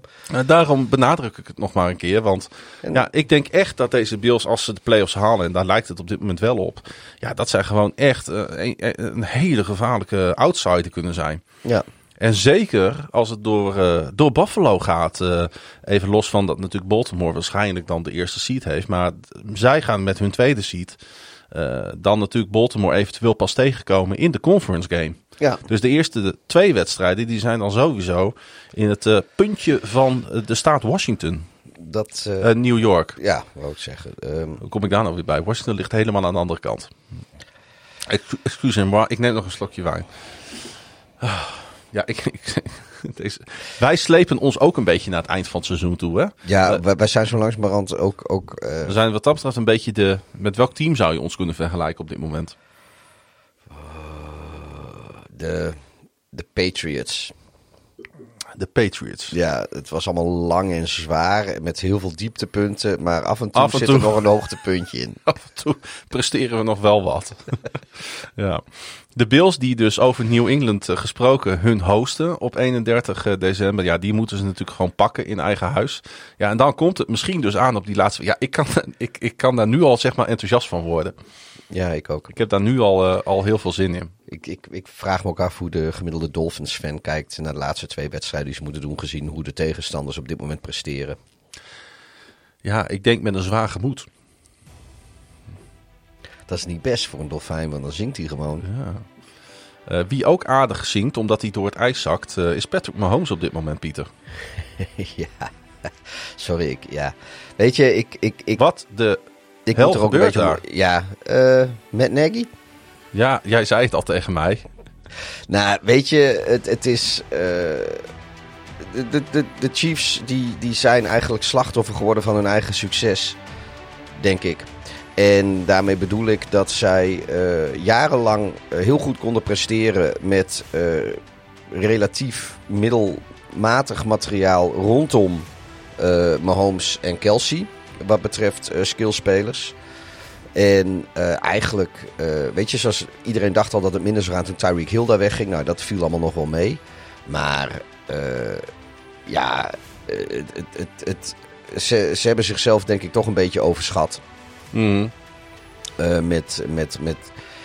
En, en ja, weet je, ook Mahomes kon natuurlijk niet het hele, zijn hele... Gaat niet zijn hele carrière op het niveau spelen waarop hij dat tot nu toe gedaan heeft. Ook die moet wel eens een minder seizoen draaien. En nou, nu heeft hij inderdaad de wapens ook niet. En hij is gefrustreerd. En er zit ook frustratie Hij is daar. gefrustreerd. Hij eh, stond gewoon zijn hele offensive line eh, volledig uit te kafferen. Ja, ik- Die die vier dagen daarvoor allemaal nog een golfcar cadeau had gegeven voor kerst. Ja, nou ja, goed. eh, Misschien hadden ze daar vijf golfkaartjes voor moeten zetten in plaats van de offensive line. Maar zie daar maar eens omheen te lopen. Ja, Nee. dat, het was natuurlijk dat eerste kwart was natuurlijk, eh, ja, hoe noem je dat in het Nederlands? a- afgrijzelijk voor de, voor, de, voor de Chiefs en voor Patrick Mahomes. Ja, maar het, was, het was toch niet de offensive line die, eh, die, die, die twee intercepties? Nee, maar die offensive line hielp natuurlijk niet. Hij, hij wordt niet heel goed beschermd op dit moment. Het klikt natuurlijk niet. En dat is niet de eerste keer dit seizoen. Ja, maar dan nog, weet je... hey, dit team heeft geen winning record in eigen huis dit jaar. Nou, maar weet je Dat is toch het, bizar? Ik vind gewoon zo Mahomes, eh het is natuurlijk eh, nog steeds eh, de beste quarterback in de NFL. Ik bedoel, er gaat een, dit seizoen doet, verandert dat voor mij nog even niet helemaal. En niet op dit moment de beste quarterback, maar gewoon als je nu... Hmm. De man heeft twee Super Bowls al in de kast staan. Ja, als je nu zegt van nou, wie, wie zou jij voor de komende tien jaar als, als quarterback voor je team willen hebben? Nou ja, dan, eh, of, of met wie denk je dat, eh, dat je de komende tien jaar meer succes gaat hebben? Ja, ik denk dat jij nog steeds Lamar Jackson zegt. Maar als, als, als je zeg maar een één op één trade kon doen tussen Mahomes en, Jackson. Met wie... Ik denk toch dat eh, als je dan zeg maar de, de- de komende tien jaar kijkt. Dat, dat je met Mahomes misschien nog wel net wat meer wint. En dat is niks ten nadele van Jackson hoor. Maar eh, Het is geen straf als je vlak onder Mahomes genoemd wordt natuurlijk. Nee, als nee, een nee. van de beste spelers in de league, hè? nee, dat klopt. Maar eh, ik, wat ik zeg, de, de- maar, Maar laten we even in maar, het moment... maar hij, is, laten we hij even is een in het, verliezer. ja, hij is een hele... Maar laten we even in het moment kruipen. Want op deze manier gaan de Chiefs natuurlijk met, met, met, met kopzorgen de playoffs in. Ja, maar die gaan er ook helemaal niet zo van Die hebben mazzel, Pieter, dat de Broncos weer aan het broncoen zijn. Die Ja. hebben mazzel dat de Chargers een klote seizoen draaien. En nu lopen ze tegen de Raiders, die ook voor hun gelukkig maar nog steeds op een losing record staan, 7-8. Maar eigenlijk, eh, ja, is het nauwelijks verdiend dat ze de divisietitel dit jaar gaan pakken. eigenlijk, eigenlijk zijn de, De Raiders waren, waren wakker. Die waren echt klaar voor deze wedstrijd. eigenlijk zijn de, zijn de Broncos ook de grote verliezer van, van het seizoen. Ja. In de zin van, die hebben alles op... eh, die, die, die, die leken kandidaat voor de first overall pick. En die hebben alle zeilen bijgezet en die zijn aan het winnen geslagen. En, Nu eh, zijn ze net, weer aan het verliezen net op, geslagen. net op het moment dat zij gewoon... Ze hadden de er echt bij kunnen de komen. divisie, voor de Ja. divisiewinst hadden kunnen gaan, haken ze af. En op het moment dat ze afgehaakt zijn, blijkt ook gewoon dat de Chiefs eh, ook eigenlijk afhaken. Ehm, dus dat, dat de kans er zeker was geweest. Ik denk dat je als Broncos-fan, als de Chiefs gewoon eh, de rest van de wedstrijden hadden gewonnen, dat je als Broncos-fan ook meer vrede hebt met eh, zeg maar de, de omslag terug naar, eh, naar wat minder, eh, min, minder ma- middelmatigheid. Dan nu je ziet dat als jij gewoon iets scherper was geweest, iets meer mazzel had gehad, iets, dat, je, dat je gewoon voor je divisie had kunnen gaan. Ja. Maar goed, de, de, de Chiefs, eh, die, die Mahomes, die heeft zoveel gewonnen in zijn carrière dat hij moet nog een beetje leren wat verliezen is. En ik vind het echt een beetje een verongelijkt kind. Eh, Aan de andere kant, als het, niet, als het je niks doet dat je verliest, dat is natuurlijk ook niet oké. nee, maar je kan, je kan ook eh, verliezen eh, en een groot sportman zijn zonder Maar moet je, altijd, als een... moet je altijd dan maar rust uitstralen als quarterback? ja, ook als je verliest? Je, bent er toch de leider. Ja, dat weet ik wel. En je mag ook wel kwaad Maar zijn. leiders worden ook wel eens boos als het nodig is. Ja, alleen ik vind dat als jij zo openlijk zo kwaad gaat zijn, dan moet je zelf eigenlijk eh, foutloos zijn. En eh, op het moment dat je zelf ook je fouten maakt, dan mag je nog steeds kritiek hebben op anderen die ook fouten maken. Ja, want met, Maar dan moet je je toch wel iets meer inbinden. met name die eerste, die door defensive tackle Bilal Nichols natuurlijk werd teruggerend. Ja, wat Mahomes daar zag. Ja, en, eh, Bears-legende Bilal Nichols. Ja, Ehm, maar eh, ja, nogmaals.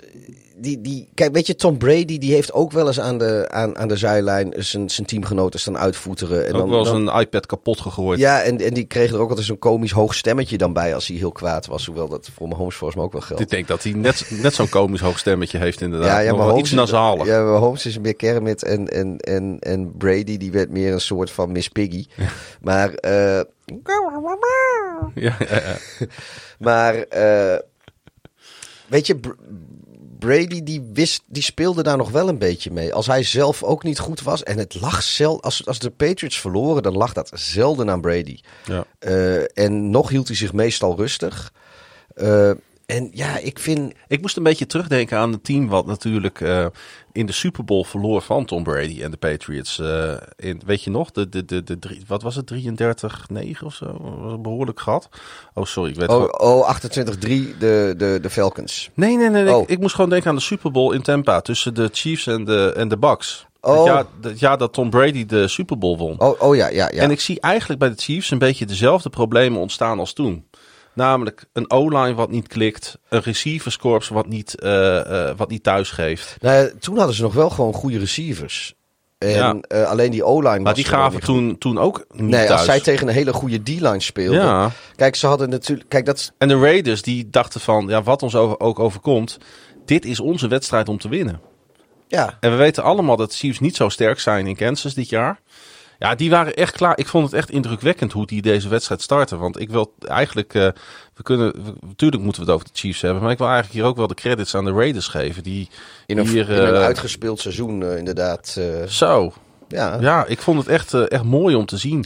En het- was natuurlijk wel een opmerkelijke wedstrijd met die twee defensive touchdowns vlak achter elkaar. Zeven seconden op de, op de, op de spelklok. Ja, ik. en de Raiders werden het eerste NFL-team sinds 2000 dat een wedstrijd wint zonder een pass te completen na het eerste kwart.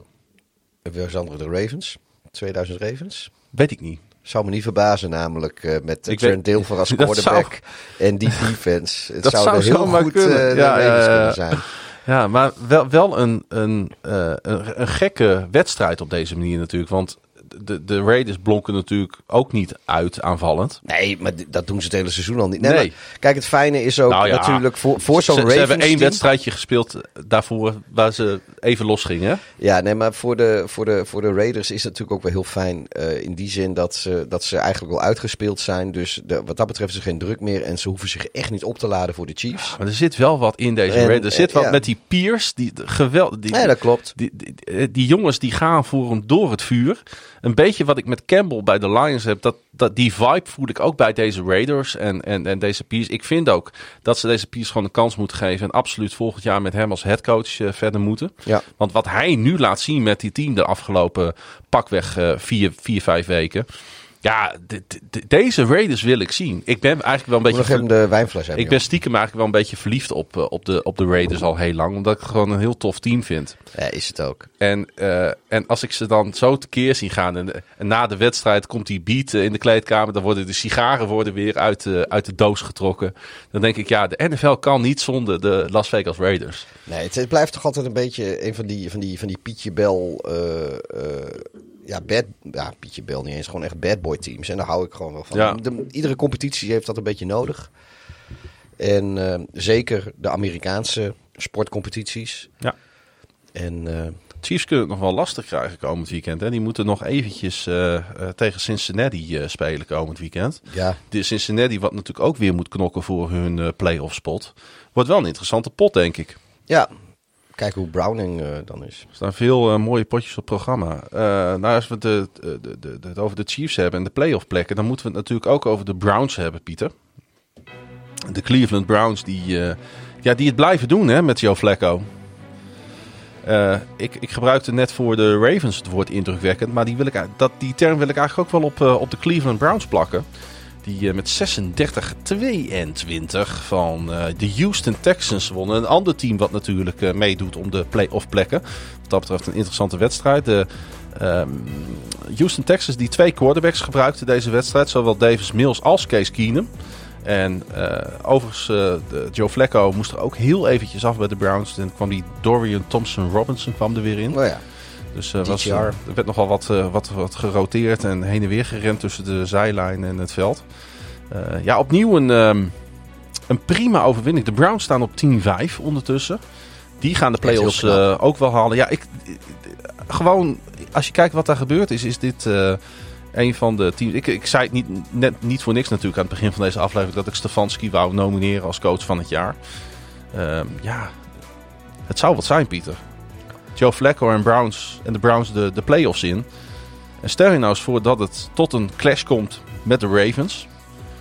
Ja, ja en dan... En, en, alsof, alsof het dan zo geschreven is. Hè? Ja, nou ja, ik zei het vorige week ook al. Ik ben benieuwd hoe, eh, hoe Frankie op de bank zit. Want aan de ene kant is die jongen natuurlijk nog best wel idolaat van, van, van eh eh, Flecko, elite, elite Flecko. Aan de andere kant zijn er weinig teams waar die zo'n schurft aan heeft als de Cleveland Browns volgens mij. Ja, dat heeft natuurlijk een reden. Maar eh, ja, ik denk dat... die- LeBron ging trouwens aardig, eh, aardig tekeer op eh, social media over Joe Flacco in positieve zin. Ach, LeBron. Wat, wat weet hij nou van... Ja, en het natuurlijk, ja, ja, dat is ook wel weer waar. Wat weet hij inderdaad nou van American football? Hij Ja, weet wel wat winnen is in ieder ik- geval. ik- het is ik- wel een winnaar. ik denk dat LeBron James een hele goede tight end zou zijn geweest. Ja. Cooper Cup, eh, Pieter. Een franchise record met eh, 265 yards receiving. Hij scoorde twee touchdowns en een two-point conversion. En natuurlijk wo- won zijn team van de Texans. Eh, ja, ik- ik- Cooper Cup is dat... dat of Cooper Cup, sorry Ja, ik hoor. was ik zit, ik zit, Amari- eh, Zei- ja, zei Amari Cooper Cup net ja, ook al? Ja, twee keer. Dus ik zit echt helemaal denk, oh, zijn we bij de volgende Amari wedstrijd? Cooper. God, mijn hemel jongens, sorry hoor. En dan zeg je dat ik anders word als ik iets anders drink dan bier. Ik heb, ik heb vakantie nodig. Mhm. Am- Amari Cooper Eh, wij waren al fan van de move uh, toen hij naar de Browns ging. Maar het heeft zich wel uitbetaald. Hè? Dit is een van de. Ja, als je, in gewoon, hindsight een van de allerbeste. Hij heeft gewoon een hele goede chemie, vooral met, uh, met Joe Flacco ook. Dat, uh, dat blijkt wel. Kijk, hij heeft met, met Joe Flacco heeft een quarterback die, die ten eerste die bal ver kan gooien, maar ook hard en ook geanticipeerd.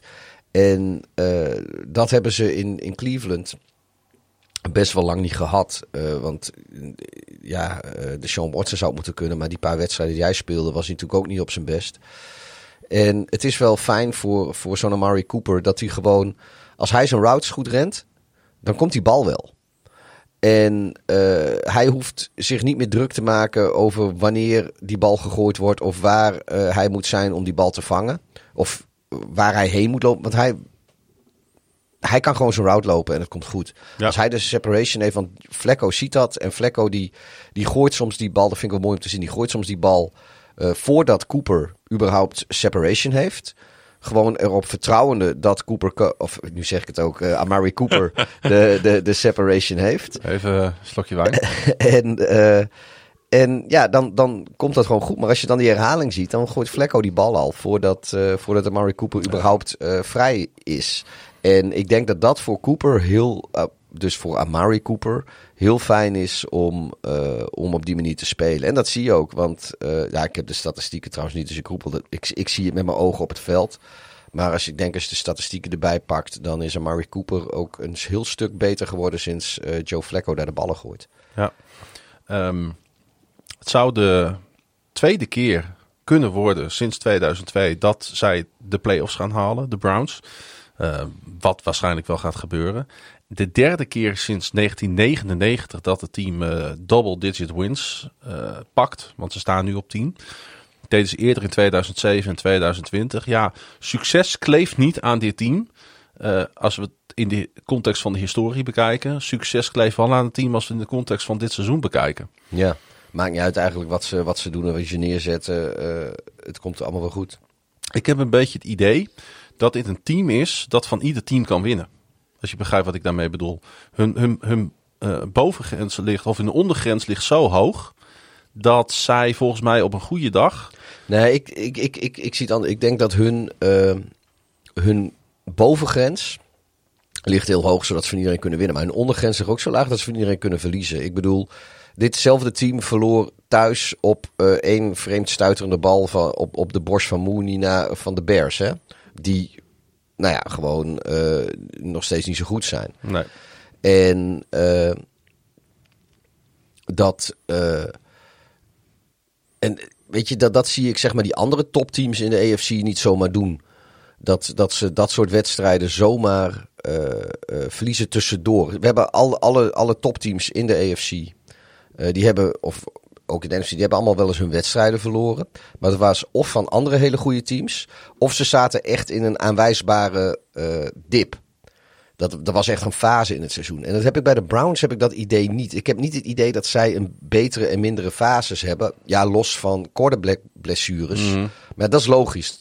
Maar met hun backups uh, kunnen ze het heel goed doen. Maar met hun backups kunnen ze het ook weer heel slecht doen. En met hun starters kunnen ze het goed doen. Met de starters kunnen ze het ook heel slecht doen. Dus het is het is echt een beetje Russische roulette uh, welke, welke Browns je ziet. En dat, dat weet je pas tijdens de wedstrijd. Ze hadden in ieder geval geen enkel probleem met de Houston Texans. Die denk ik wel in de problemen gaan komen. Want ja, op een gegeven moment trekt hij dan zijn quarterback in de derde kwart van het veld. Dan zet hij weer die Mills er neer. Nou, dan weet je al een beetje van ja, het is een beetje desperation time aan het worden voor de Texans. Die trouwens een onside kick recoverde deze wedstrijd. Zie je ook niet zo heel vaak.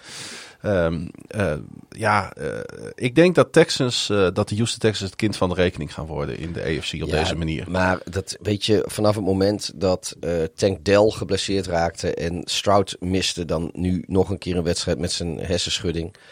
Uh, Neem niet weg dat de Miko Ryans een oh, hell of a job gedaan heeft nee, dit jaar. Nee, nee, nee, dat klopt. Maar het is gewoon ook eigenlijk heel bizar om te verwachten dat op het moment dat de, de twee beste spelers uh, op dat team wat heel goed speelde. En dat is de Miko Ryans uh, wel te prijzen. Maar als je kijkt naar hun prestatie ten opzichte van het talent dat ze hebben. Maar als dan de twee beste spelers op dat toch niet zo heel getalenteerde team er niet meer zijn. Ja, dan moet je echt niet, niet zomaar denken dat ze die play-offs nog binnenwandelen. Een team wat echt aan het wegkwijnen is uh, in diezelfde divisie. Dat zijn de Jacksonville Jaguars. Die uh, een kansloze nederlaag leden oh. tegen de Buccaneers. Och, ja, ik, oh, ik had daar nog een geluidsfragment over, jongen. Dat is zo mooi. En die, dat moet ik eigenlijk wel uh, nog even laten horen. Je schrikt ook opeens wakker? Ja, ik, ik wilde dat nog even voorbereiden, maar ik ben het in alle consternatie vergeten. Maar ik heb het wel ergens uh, op mijn telefoon gesaved. Dus als ik volgens mij zo meteen... Maar even connecten? Uh, ja, dat moet dan met... Oh, ik moet even die kabeltjes omgooien dan. Je kan gewoon bluetooth. Oh ja. Uh, eens even kijken. Ja, sorry mensen, maar dat... Dit... Even on the fly. On the fly. Vertel ik ondertussen, Pieter. Ja, doe jij dat eens. Dat Baker Mayfield en de Tampa Bay Buccaneers op dit moment hun beste voetbal spelen. En natuurlijk daarmee ook een behoorlijke kans maken op het winnen van hun divisie. Met ondertussen zelfs een winning record, 8-7. Mayfield gooide voor 283 yards, twee touchdowns afgelopen zondag in die 30-12 overwinning op de Jaguars. En zij kunnen volgende week hun derde op één volgende NFC eh, South titel winnen. Kijk, daar uh, hebben we wat aan. Ik zit nog steeds even te zoeken. Ik heb een, een, als het goed is, een YouTube filmpje en die heb ik ook opgeslagen. Ja. Dus ik moet er nog even, even bijpakken. Ja, maar dat, dat is dus een, een hoe heet, zo'n sportprogramma in, in Jacksonville. En daar heeft dan, daar ging een, de presentator, die ging daar eventjes vertellen hoe dat, hoe dat ging. Die had wat kritiek op de organisatie, zeg maar. En, en de manier waarop dat ging, het was zo, zo bizar. Dat, ja, ik wil even kijken of ik dat kan laten horen. Want alleen dat openingssegment al, even zien hoor. Ja. This is the Action Sports Jacks postgame show, sponsored by Farah and Farah, the exclusive injury law firm of the Jaguars. You just saw it. There's no showdown in the Sunshine State. It was a Well, ass kicking. The Jaguars get taken apart by the Tampa Bay Buccaneers and have now lost their fourth straight football game. A month ago, this team was playing for the number one seed in the AFC. Now they're 8 and 7 with absolutely no answers. And it stinks from the top all the way to the bottom. It stinks from the owner, the general manager, the head coach, the offense coordinator, the defense coordinator, the quarterback, the entire offense, the entire defense, the special teams, and anybody who is associated. If you're employed with the Jaguars, you stink. You're not doing your job. This is a absolute free fall by this football team, ja. and it shouldn't be that way. Hi, Heerlijk. Dan Hicken here. Merry Christmas. Ja, Merry Christmas zegt hij ook nog even. oh ja, maar wel uh, allemaal zalige, zalig Pasen. Maar het is dus gewoon een CBS, het is gewoon een CBS-zender in, uh, in Jacksonville. Het is niet een of andere, het zijn niet twee klootzakken zoals wij die op een zolderkamertje een podcast maken. Dit is gewoon een CBS. Ik weet ook niet of hij zijn, hoe, hoe dit, zeg maar bij de volgende persconferentie, uh, als hij daar te gast mag zijn, hoe dat gaat. Want dit duurt een half uur en het gaat nog veel verder. Hij blijft maar zagen. Maar, maar hij heeft wel gelijk, want ik snap ook niet helemaal hoe de Jaguars hier terecht zijn gekomen. Wij waren toch fan van Doc Peterson. We waren fan van Trevor Lawrence. We waren fan van het receivers corps in, de, in, in Jacksonville. We waren fan van de running back room van Jacksonville. De verdediging begon steeds beter te spelen. En we knipperen met onze ogen. En ze staan met 30-0 achter tegen de Tampa Bay Buccaneers. Ja, ik denk dat dit uh, ik zei eerder vanavond, had ik het over, dat ik geloof niet zo erin dat uh, verliezen of winnen dusdanig diep in het DNA van een team zit dat uh, dat, dat tientallen jaren maar moet duren. dat heeft niks te maken met team DNA, dat is een tientallen jaren wanbeleid. Maar in dit geval denk ik, kijk, Trevor Lawrence is niet helemaal fit. Dat is hij al weken niet. Dus die, en die speelt ook gewoon niet goed. en ik gooi... Lijkt ook niet fit, trouwens. Nee, hij, dat is hij ook niet. Nee. Dus uh, ik gooi, uh, uh, of ik ontneem hem zeg maar een deel van de verantwoordelijkheid voor zijn slechte spel. Dat, dat wijt ik gewoon aan het feit dat hij niet fit is, dat kan. Maar wat wel zo is, is dat een groot deel van het team zit natuurlijk nog gewoon een beetje in die wij zijn de Jacksonville Jaguars mindset. Want een, een, een, een deel van die spelers die is niet gewend om te winnen. Die heeft nooit echt onderdeel uitgemaakt van een winnende organisatie. Dus als ze dan tegen zit, dan gaan ze ook door het ijs. Dan gaan die kopjes hangen en dan. Uh, Zoals FC Groningen begin dit seizoen, weet je. Dan kom je 1-0 achter thuis tegen Den Bosch, die volgens mij laatste staan in de KKD. En je verliest gewoon thuis met 3-0, omdat je geen enkel vertrouwen in jezelf hebt. En uh, dat is denk ik een beetje het probleem bij Jacksonville. Het, het, zit, het zit dan tegen. Uh, het loopt niet en dat komt omdat uh, inderdaad je quarterback niet zo best speelt. En dus zullen veel meer dingen meespelen. Maar als het dan niet loopt, dan lukt niks meer. Dan gaan die kopjes hangen en dan zijn ze veel te druk bezig met niet falen, waardoor ze wel falen. In plaats van dat ze het vertrouwen hebben om vanuit hun eigen spel of hun eigen kracht te spelen. En dan verlies je misschien ook wel, maar niet, niet zo vernederen. Je wordt niet vernederd. En dan hadden ze natuurlijk ook nog de pech dat zij tegenover uh, misschien wel een van de beste quarterbacks op dit moment in de NFL uh, stonden, Baker Mayfield. Nou ja, vorige week in Green Bay had hij al een perfecte passer rating van 158,3. Ja. Uh, nu hielp hij al zijn team naar een 20-0 voorsprong bij rust. Waarbij iedereen gelijk al doorgad, oké, okay, dit gaan de Tampa Bay Buccaneers natuurlijk nooit meer weggeven. Uh, ja, het is wel een lekker team om naar te kijken hoor, die box. Met Evans, die met zeven receptions voor 86 yards eindigde. De touchdown catches waren zijn twaalfde en dertiende van dit seizoen. En de, ja, de tienjarige pro voeg zich daarmee bij Hall of Famers Jerry Rice. Die er, uh, die, uh, we hebben trouwens over uh, spelers in NFL history met tenminste 12 touchdowns receptions in minimaal vijf seizoenen of meer. Nou ja, Jerry Rice was daar natuurlijk de, de ja. koploper in met acht. Terrell Owens 7, Marvin Harrison 6 en Randy Moss 6. Als enige andere spelers die dat in meer dan vijf seizoenen hadden. Dus ja. het is echt wel bijzonder wat Evans bij dit team laat zien. Hè? Nee, en, en, ja, en hij speelt nog steeds op dat hoge niveau. En hij heeft... Beetje een vergeten receiver. Ja, kijk, hij heeft natuurlijk de mazzel gehad even dat, dat Brady eruit komt. Maar kijk, James Winston zat daar ook. En die was altijd goed voor heel veel touchdown passes, maar ook heel veel intercepties. Het is niet alleen Brady geweest Net toen was het Brady, die was gewoon goed voor veel touchdown passes. En nu komt Mayfield, die komt in swing. En uh, nou ja, we, we, hebben dat in deze podcast, is dat uh, denk ik uh, een, een, dikke maand geleden al, al soort van voorspeld. Van joh, die, die, die Buccaneers, die gaan gewoon een, een run maken om, om die NFC South gewoon te winnen. En dat voorlopig zijn ze daar ook gewoon keihard mee bezig. De en, Falcons liggen nog wel op de loer. Ja, maar dat komt omdat de Falcons in het begin van het seizoen nog wel een paar, uh, paar, paar, nou, paar af, Afgelopen speel ook een goede overwinning. Ja, maar uit, het is, de wielen zijn er wel een beetje van de wagen. Ja. Terwijl ze juist in, in Tampa uh, uh, er juist opgeschroefd zijn. Want die begonnen natuurlijk wel met die overwinning bij de Vikings. Lijkt al zo lang geleden. Hmm. Begin van het seizoen. Maar daarna ging het helemaal mis. Een poos lang. Maar ondertussen hebben ze, hebben ze allemaal hun plek daar gevonden. En ja, maar er zijn veel uitblinkers daar in dat team. Ja, maar het valt mij op. Ze hadden sowieso, ze hebben daar twee hele goede receivers, wat je net noemt. Uh, er zitten nog. Uh, maar dacht je van die verdediging met Devin White en die Antoine ja, ja, ja. Winfield Jr. Dat klopt. Ja, die, die, blijven maar ballen. Die hadden allebei weer een interceptie. Ze hebben heel goed gedraft, vind ik, dit jaar. Ze, hadden die, ze hebben die rookie Yaya Diaby. Uh, die, die Lawrence. Uh, weer, de, wat, wat ook een, trouwens, ik noem Carl Hamilton, maar ik vind deze jo jongen ook een, uh, een kans hebben op de Rookie Defensive uh, Award. Um, ja, het is, het, het, het, er, zit, er zit power in dit team. Ja. Er zit kracht, er zit uh, overtuiging in, er zit kwaliteit in. En Baker Mayfield is gewoon de quarterback op dit moment. Ja, waarvan we ooit dachten dat hij het zou zijn. Ja, nee, dat klopt. Hij, wat, wat een beetje laat. Wat ik vorige week zei. Ja, maar goed, hij, hij heeft het ook niet makkelijk gehad. Nee. Zijn carrière. Maar wat ik vorige week een beetje zei. Hij laat eindelijk zien waarom uh, een eerste ronde pick die, uh, die aan hem besteed is. Dat dat uh, meer dan waard is. En, en of het een first overall had moeten zijn. Ja, nogmaals kun je over discussiëren. Ja. Maar uh, ik denk dat er heel veel teams in de NFL zijn die de huidige Baker Mayfield uh, graag uh, op het veld dat kunnen zetten. Ook. En vergeet niet, als de, als de Bucks komend weekend van de Saints weten te winnen... Dat dan lijkt mij ook helemaal niet ver gezocht. Nee, dan wordt het een derde divisietitel op rij. Dat is dan toch wel knap in een divisie met de Saints. Want ja. de Saints zijn eigenlijk hun voornaamste concurrent, vind ik, op papier.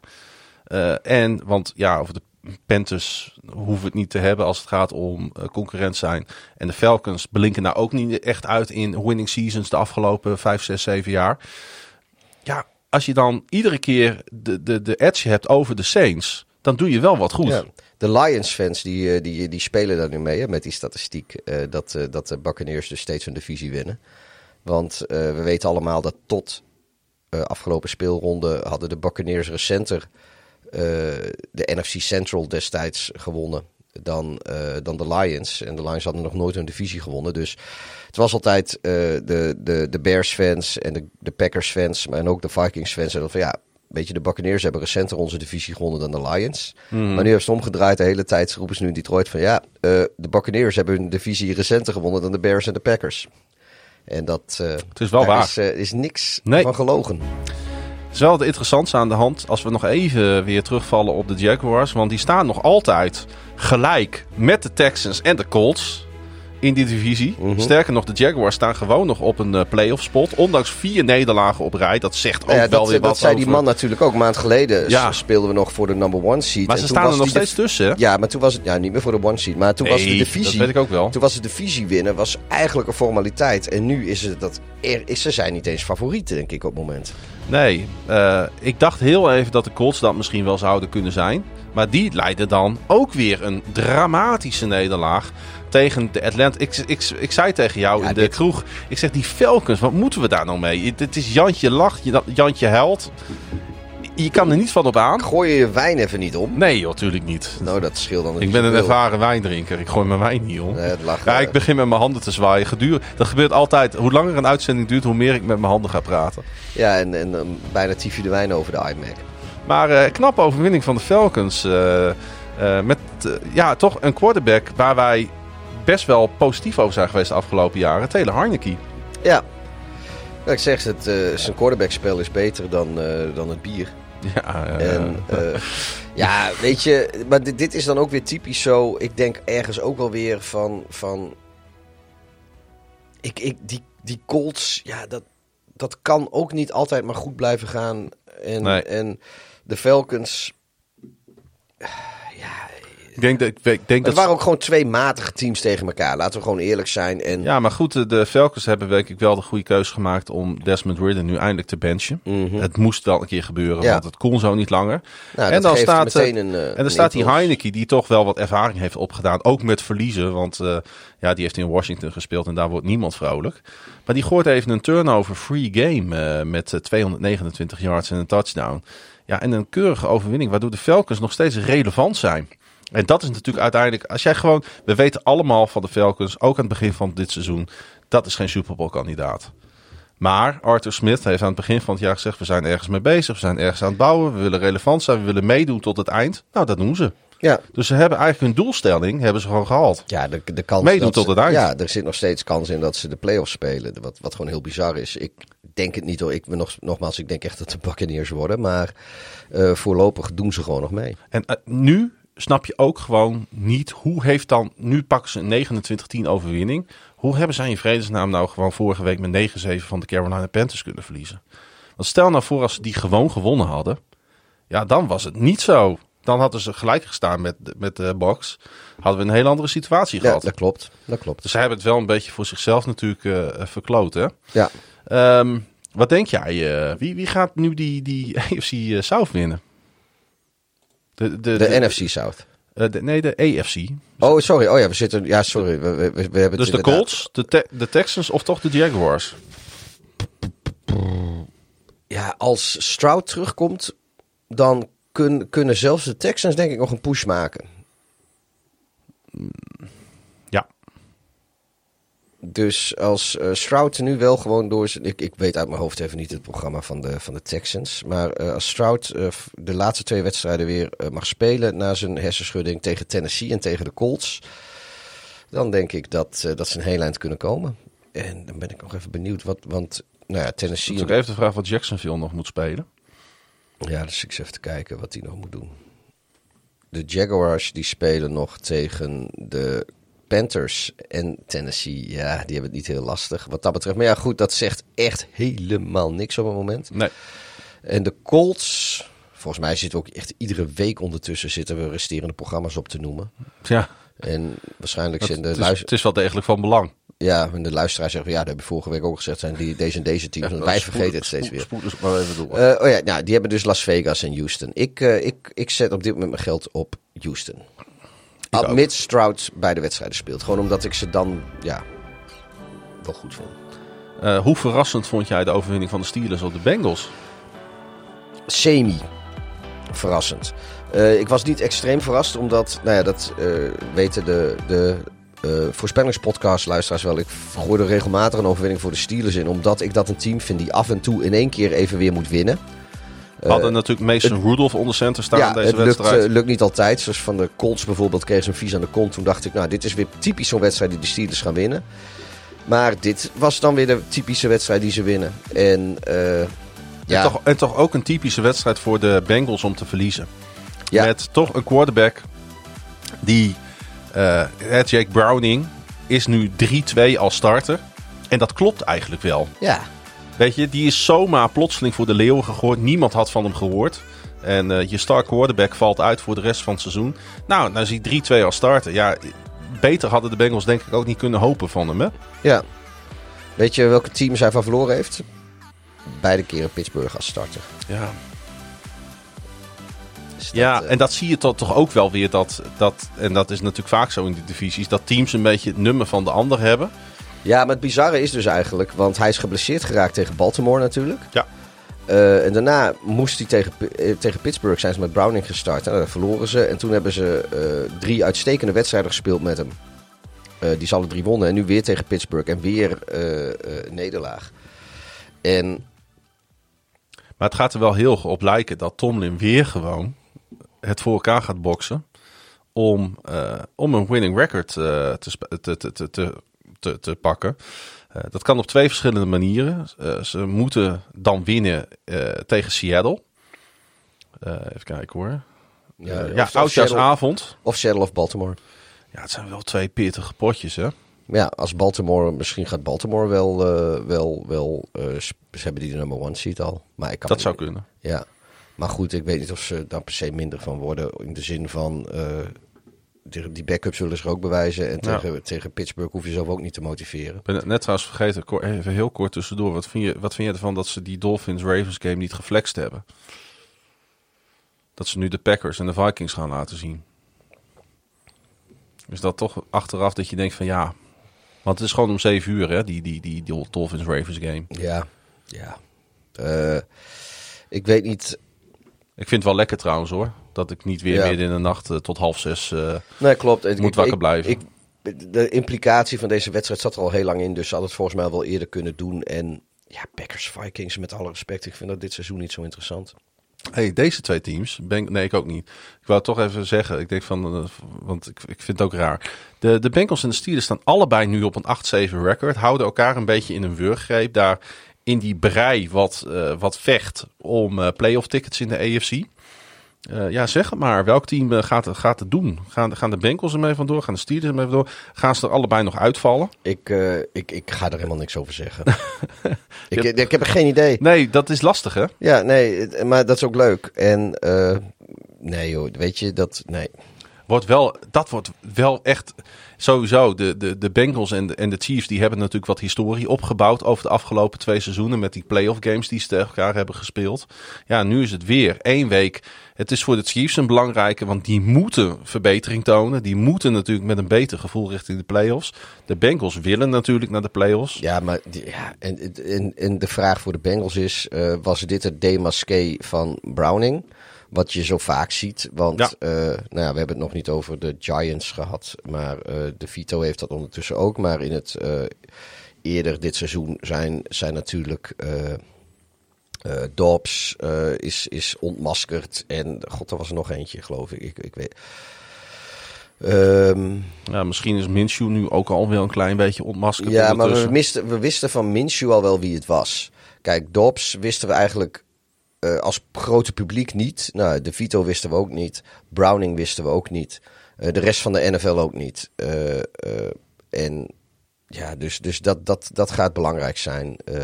in hoe, hoeverre kan, kunnen ze met, met Browning de boel weer omgooien dat, ja, dat hij niet zomaar found out is mm. door, door de Chiefs. Wat ook wel een verrassende uitslag was, was die in Denver. Want de Broncos verloren, we hadden het eerder al heel even ja, over ze. Daar ben ik heel blij mee. Van de Patriots, ja, maar hoe, hoe, hoe? Gewoon hoe?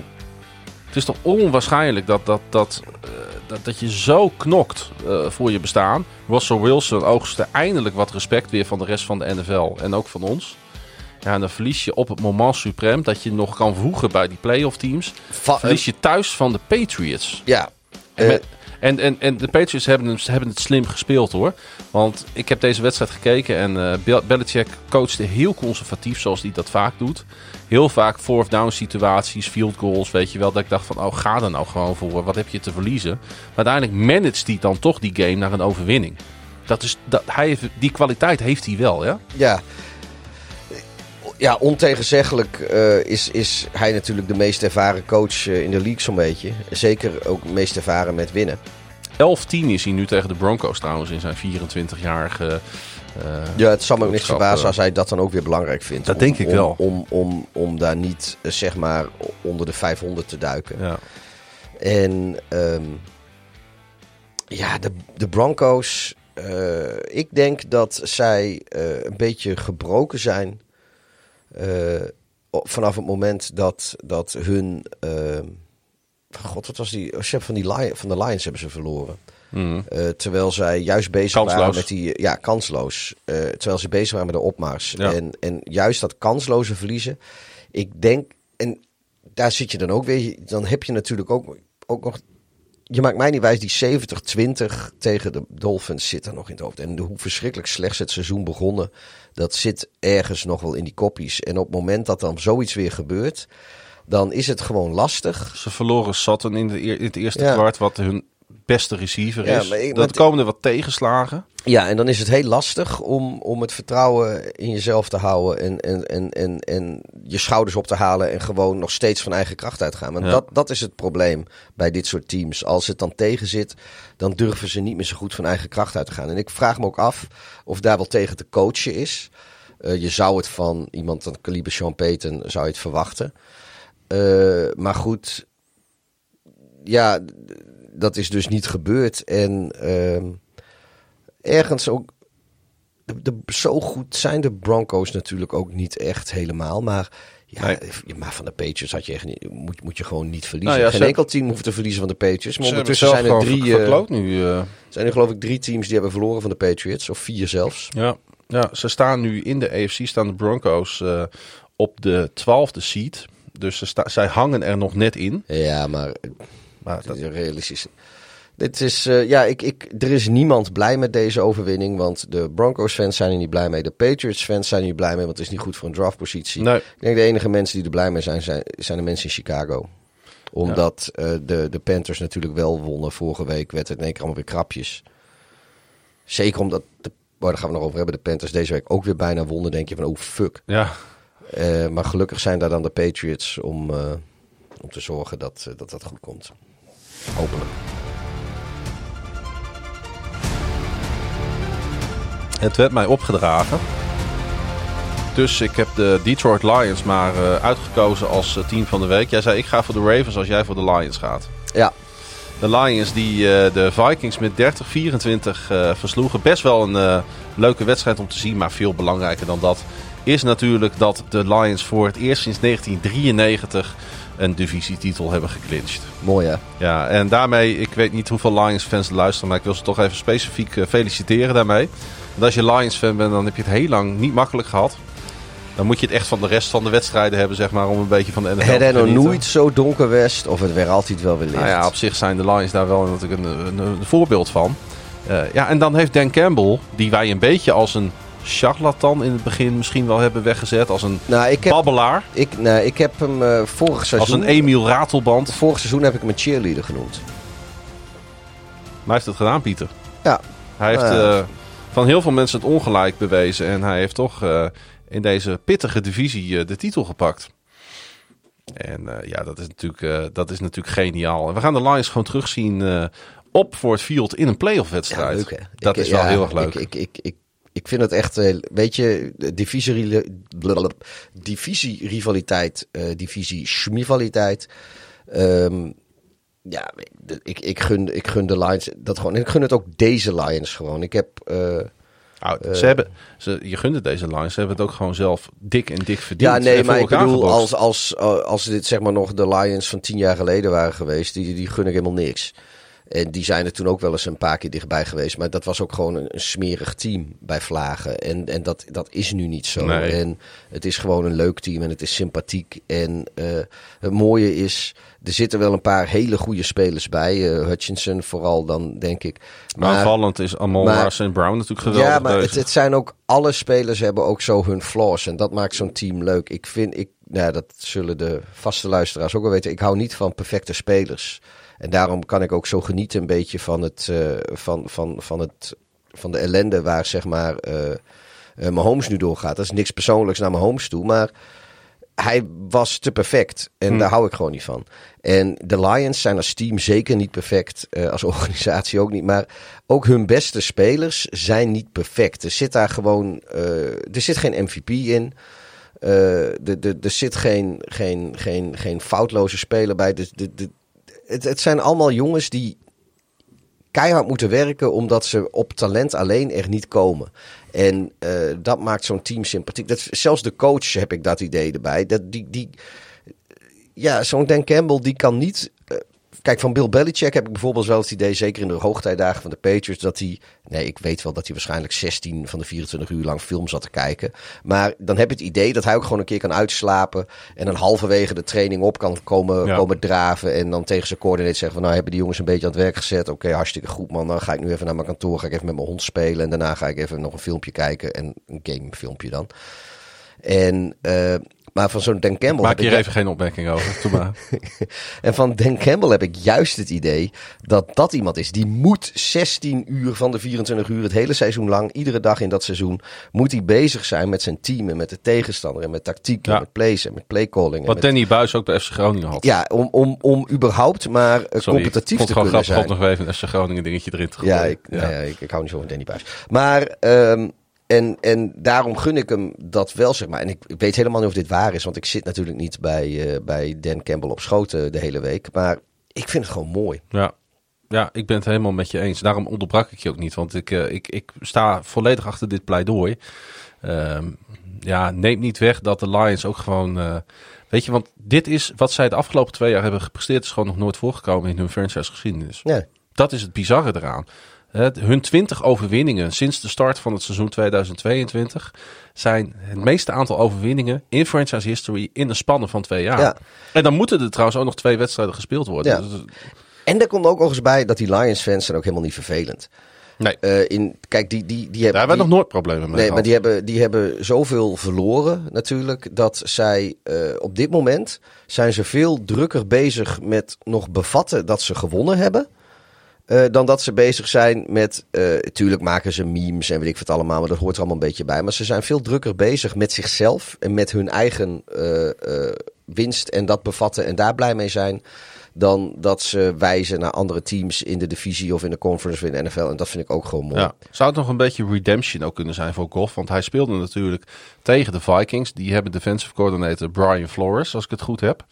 ja. En dat was natuurlijk ook de defensive coordinator waartegen Goff speelde in Super Bowl 53. Hè, want eh, hij heeft, eh, eh, eh, Brian Flores heeft natuurlijk eh, eh, voor New England en Miami onder, onder andere gewerkt. Eh, ik, ik had het idee dat, dat deze win voor Goff niet alleen voor de playoff eh, was en niet alleen voor de divisietitel, maar ook te laten zien van ik kan het op het moment dat het erom gaat wel degelijk. Ik, ik weet niet of het zover gaat. Ehm, wat ik wel denk te weten, Ja. is als op dit moment de playoffs zouden beginnen, dan is Zit het Rams wijn, Lions. Zit, zit er nog wijn in? Ja, we moeten nog een beetje bijvullen. Maar dan spelen de Lambs en de Lambs en de Ryans. De Rams en de, de Rams en de Lions, die zouden elkaar als vandaag de playoffs beginnen in de eerste ronde tegenkomen. een heerlijke matchup Dus als we dan toch over redemption hebben van, eh van Goff, Mag jij me even opmaken? Dan eh, is dat een wedstrijd waar ik, eh, waar ik eigenlijk veel meer naar uitkijk. Ja. En waar ik dat veel belangrijker vind. Ja. Want Ja. even kijken, ik zit, eh, de, ja, de Lions zijn op dit moment de drie seed. Mhm. Dus die moeten tegen de zes seed. En dat zijn de Rams. Kan natuurlijk zomaar nog zijn. Het is hè? Eagles, Seahawks, Rams, Lions en Dallas, Tampa. En de 49ers hebben dan de bye. Ja. Enige positieve voor de Vikings op dit moment denk ik dat Jefferson weer terug is. Ja, die had ook weer een paar catches, jongen. Daar word je akelig van. Ja, wat een heerlijke speler om naar te kijken is dat, hè? Maar ja, maar die, ja, die Mullins. Hij, oh, hij, wat, ja, ik, ik, ik moet daar natuurlijk als, als Bears fan helemaal niks van zeggen. Maar die begint dan toch nog aan een drive waarvan je denkt van, oh fuck, nu, gaan de Vikings nog winnen. En de Lions, die Lionsen de wedstrijd weer weg. Maar op het moment dat hij het dan de trekker echt kan overhalen, gooit hij een interceptie. En Ja. Dan, toen was de wedstrijd klaar. Maar ik vreesde nog wel even, ook omdat het toch de Lions zijn, weet je. Er waren een aantal kansen hoor voor de Vikings om deze wedstrijd te winnen die Ja. ze hebben laten liggen. Ja, Want Mullins gooide voor meer dan 400 yards, gooide ook vier intercepties. Dan had hij op een open Justin Jefferson, die underthrown bal natuurlijk, Ja. eh, Nick Mullins. Ja, eh, weet je, de Lions zijn ook wel een beetje goed weggekomen. Maar dat, dat zit dan mee in zo- zo'n seizoen. ja, maakt het niet minder verdiend. Nee, nee, nee. Goed, hey, de Lions gaan playoffs spelen en daar hebben wij ontzettend veel zin in, Pieter. Wie ook playoffs gaan spelen in de NFC, dat zijn natuurlijk de Philadelphia Eagles. Jij zei het al, ze hebben het erg lastig gehad. Oeh, Oh, dat was een harde. zijn we dan wel nog weer wakker of nog net wakker? Ja, we moeten ook het tempo omhoog, want ik- moet plassen. Ehm, te veel wijn gedronken. Ja, nee, ga maar door. Ik hou toch wel even op. Ik ben geen... eh, Goed, de Eagles, Pieter. Ze wonnen wel, maar eh, van harte was het niet. Nou, wat het meest opvallende was, denk ik, van deze wedstrijd... is de ellende aan de zijlijn. Hm. Met de verschillende spelers en eh, Nick Sirianni en... Chaos was het eigenlijk af en toe. ja, ze, ze wonnen wel, maar de problemen die er waren... Die, ik, ik geloof op dit moment niet dat ze opgelost zijn. Want eh, er zit nog steeds heel veel onvrede en spanning in dat team. Nou, wat dacht je van het publiek? Want het publiek begon op een gegeven moment... Ja, maar het eh, Philadelphia publiek, dat, dat, dat... Ja, sorry, dat is, dat is geen maatstaf. Maar- want die, die Ja, maar ze hadden wel een punt. Want ze begonnen dus massaal run the ball, run the ball eh, te, te chanten. Ja, terwijl de Eagles, hè, die Sirianni blijft maar doorgaan met die pass-heavy offense van de Eagles. ja. Terwijl daar natuurlijk veel meer een balans in moet komen. Hè, ze, ze- het, het wordt, het wordt daardoor wordt het heel gevaarlijk en chaotisch allemaal. ja, maar ik vind hun, hun running game is sowieso niet zo geweldig. Ja, weet ik niet. Ik, nou, maar het gaat Het ook niet... Je hebt zachter te draaien. Ja, dat weet weg. ik wel. eh, dat weet ik wel. Ja, ik, heb, ik, ik- ik zag het, maar ik had er gewoon geen zin in. Luistert toch niemand meer, joh, nu. Nee, eh, eh, maar ik, ik, ik ben het wel eens met die fans. In zekere zin dat inderdaad het klopt bij de Eagles niet. Het klopt niet. Nee, nee, dat klopt. nee, dat, dat, dat klopt wel. Maar ja, nogmaals, ik, ik vind die. Ik, ik, ik, ik, ik kan die Philadelphia-fans met hun kritiek nooit zo serieus nemen. Want eh, ze zijn onuitstaanbaar als het goed gaat naar de rest van de NFL. Maar als het niet zo goed gaat, zijn ze onuitstaanbaar naar hun eigen team. En eh, in beide gevallen hebben ze zelden gelijk. En het, het, het is het meest reactionaire publiek, denk ik, dat er bestaat. En dat vinden ze van zichzelf ook. Dat kloppen ze zichzelf weer op de borst. En dat is allemaal goed. Maar ze hebben toch Maar- een- ze hebben, maar- ze hebben maar- gewoon een goede, goede, degelijke run game. Die gewoon hè, rond, z- bijvoorbeeld in, in average plays. Dus je, je kunt best wel yards pakken met je run game. Staan ze elfde in de NFL van 32 teams. Als je kijkt naar gewoon wat zij gemiddeld met een, met een run pakken. Eh, ondanks al die, al die eh, gekke shofsansen. Ja, ik... eh, En dan blijft hij maar, en dan blijft hij maar, maar eh passes callen, die Sirianni. Omdat, ja... Terwijl ik denk, ja, met een veel uitgebalanceerde gameplan kun je volgens mij veel makkelijker van deze Giants winnen. Ja, eh, zo, zo kun ja, ja. En dan, ik, ik weet niet, ik, ik vind Swift vind ik ook, ja, dat kan dus ook inderdaad met de gameplan te maken hebben. Swift vind ik ook niet zo heel overtuigend. En, Ze hebben natuurlijk Gameball ook nog. Maar ik vind de secondary van New York is ook niet overtuigend. En dat is nou juist wat je, terwijl, ja, als er één ding nog wel redelijk oké is in New York, is dat volgens mij de D-line wel. Hm. Dus ja, misschien, ik, ik denk dat ze daar een bewuste keuze in gemaakt hebben. Neemt niet weg dat Hurts natuurlijk door de lucht wel levensgevaarlijk is. Ja. Hè? Met die 36 jaar touchdown op Devante Smith. Die je volgens mij ook in de, in de montage had. eh, ja, ik denk het wel. Eh, toen kwamen ze op 17-3. Eh, hij heeft nu al 35 total touchdowns dit seizoen. Eh, daarmee evenaarde hij ook het team season record van quarterback Randall Cunningham. Die in 1990 eh, op 35 kwam. Ja, kijk, ik denk nog steeds wel dat de Eagles een heel gevaarlijk team kunnen zijn in de Of playoffs. sowieso, het is niet zo dat zij nu, nu ze een paar wedstrijden verloren hebben en dat er nu wat, wat spanning is. Dat ze in één keer geen goed team meer zijn. Sterker nog, eh, die play-offs halen ze natuurlijk, want die hadden ze al geclinched. Maar zijn ze ook En- een goed team? En eh, nou, als zij. Kijk, kijk, wat er nu ook speelt. Dat moet gewoon opgelost zijn voor de play-offs. En als dat zo is, dan kunnen ze weer net zo ver komen als, als welk ander team dan ook. En De misschien turnovers, verder. de turnovers, de picks en de flags moeten er echt nu uit. Want de flags zijn echt tenen krommend bij die Eagles. Ja, eh, maar het is, het, is, het, is, het is vooral een mentale kwestie. Ik denk, het, om, om, om de woorden van een eh, podcast-collega maar eens te gebruiken. Zit het wel goed in de kleedkamer bij de Eagles? Ik- en ik zal ook meteen antwoord geven. Nee, daar zit het niet goed. En dat is de, de oorzaak van alle ellende die ze de laatste maand eigenlijk hebben. En eh, ze hebben nog eh, een paar weken de tijd om, om hun shit op orde te krijgen. En als zij dat daarin slagen, voordat de playoffs beginnen, dan zijn de Eagles een levensgevaarlijk team in de playoffs. Als zij eh, op deze manier eh, door blijven hinkelen of strompelen of, of wat dan ook, ja, dan, dan, dan zie gaan ze tegen niet, een los aanlopen natuurlijk. Dan, dan, dan, dan zie ik zij de NFC Championship game niet halen. En, Nee. en daar ligt de key. Het, het, is, het is geen talentkwestie. Het is niet, niet dat het geen goed team is. Er, er zit daar, het zit in de kleedkamer niet goed. Ja. Eh, wie een eh, hele goede indruk op mij maakte, ondanks dat hij een interceptie gooide. Maar het was natuurlijk ook een beetje desperation toen. Hè, hij moest een laatste bal naar de endzone gooien. Tyler Taylor, Ja. die dook op. Ja, weet je, we hebben genoten van Tommy DeVito. Maar toen ik Tyler Taylor zag spelen, dacht ik, waarom heb je Tyler Taylor niet eerder gebracht? Eh, de, Vito, de Vito was gebenched, toch?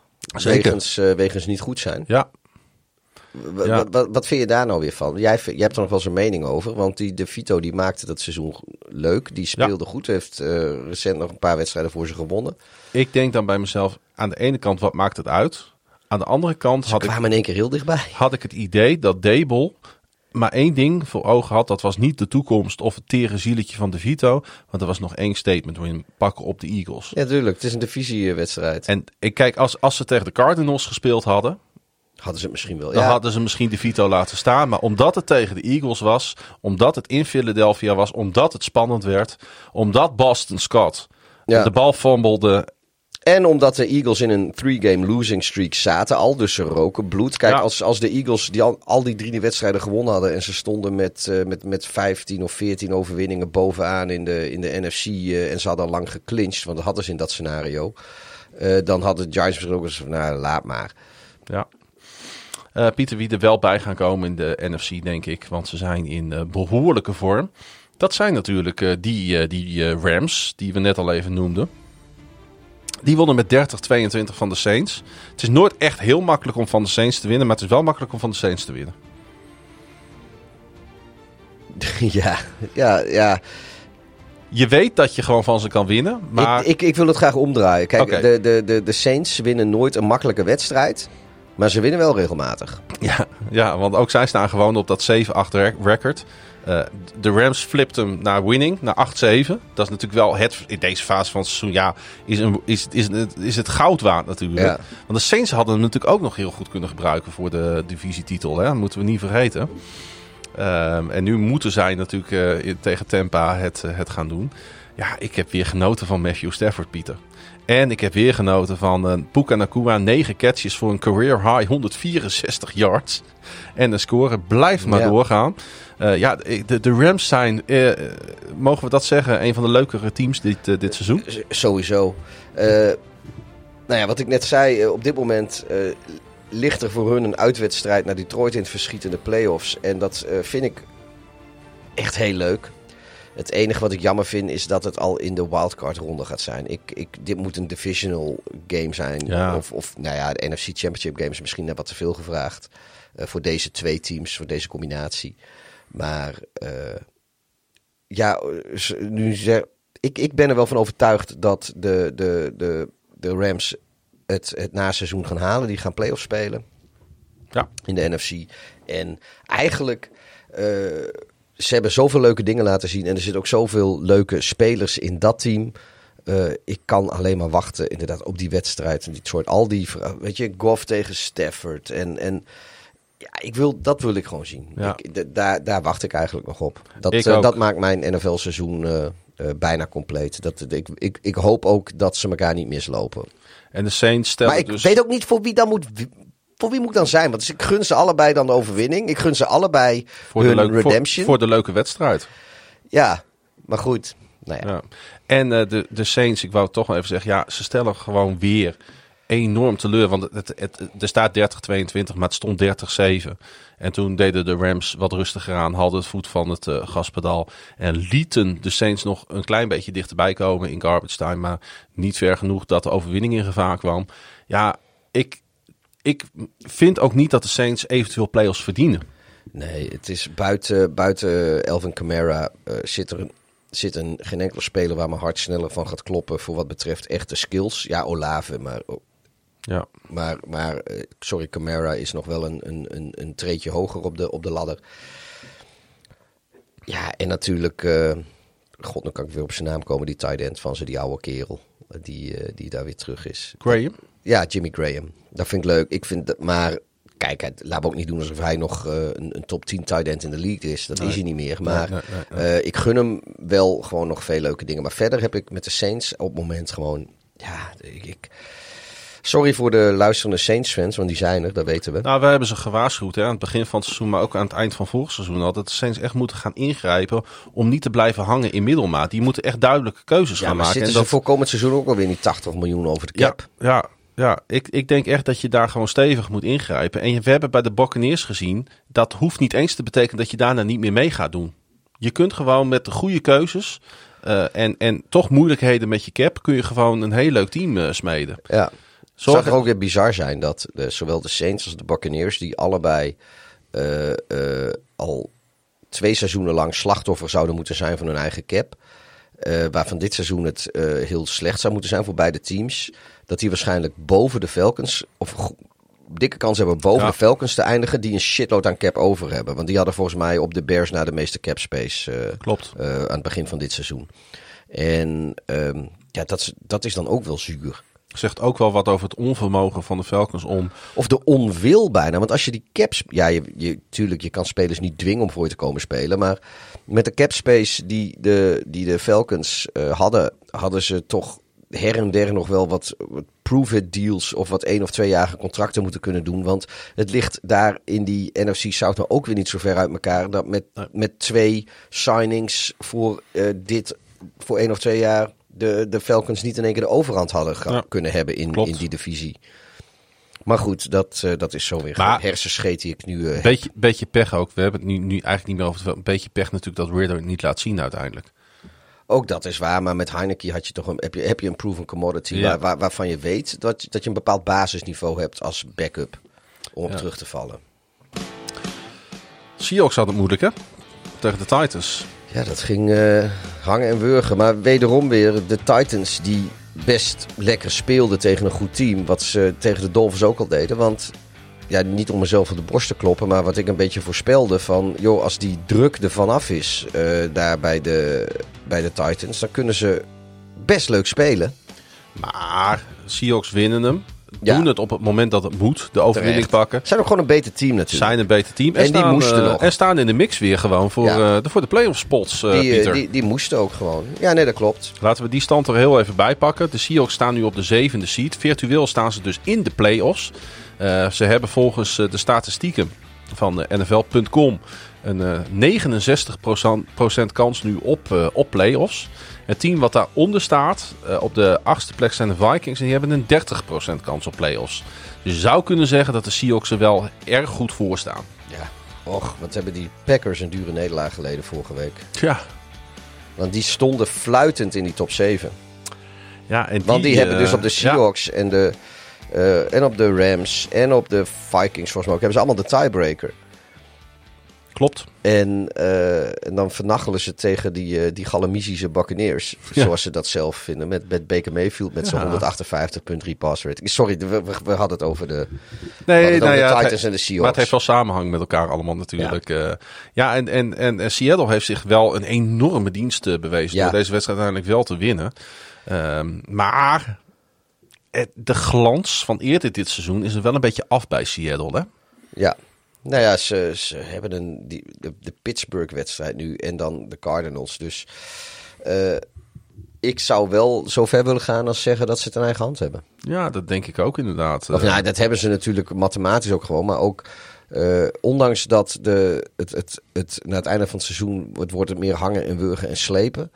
Hebben ze het, zijn ze zeker niet kansloos om gewoon nog twee wedstrijden erbij te winnen. En dan, eh, ja, dan zijn die playoffs natuurlijk gewoon in de pocket. Het was wel weer gewoon die degelijke. eh, Het was een heel degelijke wedstrijd eigenlijk van de Seahawks. Met Geno Smith die gewoon een 100 plus passer rating pakt.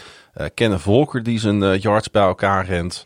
het receiving corps wat, wat daar altijd de, de passes verdeelt.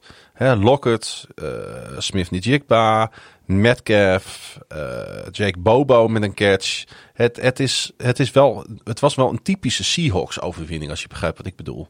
Iedereen was involved en uiteindelijk net de betere over je tegenstander zijn. Want de Seahawks winnen eigenlijk ook nooit makkelijk hè. Dat moet ook altijd moeilijk. Ja, maar dat komt dus omdat de Seahawks. eh, ja, ik, ik durf misschien wel te zeggen dat die eh, net iets boven hun niveau presteren, continu. Want, Dat is eh, ook knap. Ja, nee, dat is ook knap. Maar daardoor zitten er relatief weinig inmaakpartijtjes bij. Ja. Want eh, kijk, die Charbonnet is een hartstikke leuke running back en die Walker. Maar het zijn niet eh, de allergrootste talenten. Nou ja, Smith en Jigba en eh, ehm, eh, DK Metcalf zijn natuurlijk wel verschrikkelijk goede receivers. Dat, dat moet je ze nageven. Maar ook Geno Smith is geen eh, MVP-level quarterback eh, bepaald. Nee. Eh, maar ze, ze halen bij. Ja, ik denk dat, dat, dat, ze, dat Pete Carroll. die haalt eigenlijk het maximale uit, uit dit team, denk ik toch hoor. En dat is inderdaad knap. Maar dat heeft wel als eh, direct gevolg dat, eh, dat er iedere wedstrijd hangen en wurgen en, en, en, moeilijk is. Ja, want toen Derrick Henry die, die touchdown binnenrende met nog een minuut of 8, 9 op de klok in de wedstrijd, stond het 13-17. Toen dacht ik van nou, eh, Seattle, willen jullie hier? En, het publiek begon zich ermee te bemoeien. Die voelde ook van, ah, we zouden wel weer eens een overwinning kunnen pakken. De Titans zijn thuis natuurlijk ook altijd wel goed. Eh, staan 4-4 nu dit seizoen. Dat had eigenlijk 5-3 moeten zijn, want ze hebben het eigenlijk een beetje weggegeven. Want ze konden gewoon in die beslissende drive hun tegenstander niet meer stoppen. Dan zie je toch wel hoeveel gaten er ook in dit team zitten. Ja. Maar ook hoe degelijk Gino Smith kan zijn op het moment dat het erom gaat. Die daar gewoon echt een hele keurige drive neerzet. Ja, en het dan afmaakt met die touchdown pass op Colby Parkinson. eh. en eh, ja, toen was hij binnen voor, voor Seattle.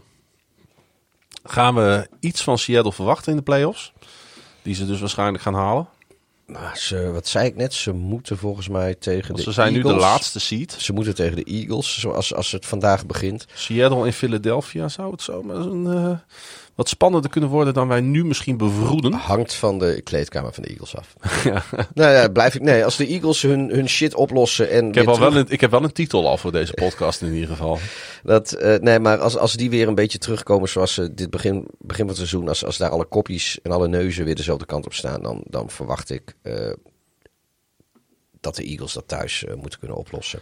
Goed, Pieter, we, zitten, eh, we zijn er bijna doorheen. Eh, we komen bij de laatste drie wedstrijden die iets minder playoff implicaties Ja, we hadden. gaan- daar gaan we wat dus daar gaan we even doorheen. rap doorheen. De Packers die wonnen met 33-30 van de Panthers. Ja, ik, ik, ik, ik, ik had echt zoiets van, nou gaan die fucking Packers, die gaan, eh, gaan de Bears weer dwars zitten. En vooral omdat Em- Emir Smith Marset, die, die ving in één keer een touchdown paas. Eh, en Emir Smith Marset, ja, dat is denk ik wat inside information, maar die heeft eh, vorig seizoen voor de Bears gespeeld. Maar ik wil hem ja, het is ook een Bears-legende in die zin dus. Maar eh, daar heeft hij met een muffed punt en volgens mij een keer en met een, een fumble heeft hij twee gewonnen wedstrijden heeft hij, heeft hij weggegeven. En eh, vervolgens heeft hij eh, namens de Vikings eh, heeft hij volgens mij ook nog gezeten dit seizoen. Eventjes. Heeft hij, heeft, hij, heeft hij de Bears ook pijn gedaan? Maar jij dat zegt, geloof ik Ja, volgens mij heeft eh, hebben, hebben de Vikings die hebben een kick-off teruggelopen volgens mij voor een touchdown. En dat zou maar zo eens Emir Smith Marset geweest kunnen zijn. Maar blijkbaar is hij uiteindelijk toch een keer gekut. En zit hij nu bij de Panthers. Of nee, hij, nee het was, hij was namens de Panthers deed hij, eh, deed die in die wedstrijd tussen de Bears en de Panthers. Ah, dat was de enige ja. touchdown van de Panthers, was een kick-off return. Ja. En dat was Emir Smith-Marset. Ja. Ehm, maar goed, die, eh, die, die zou nu weer eh, de, de Panthers bijna van die first overall seat, of die, de first overall draft pick afhalen. Gelukkig, Is dat niet gebeurd? luister goed lieve, lieve mensen, want dit gaan, we, gaan we niet vaak horen. Maar gelukkig wonnen de Packers.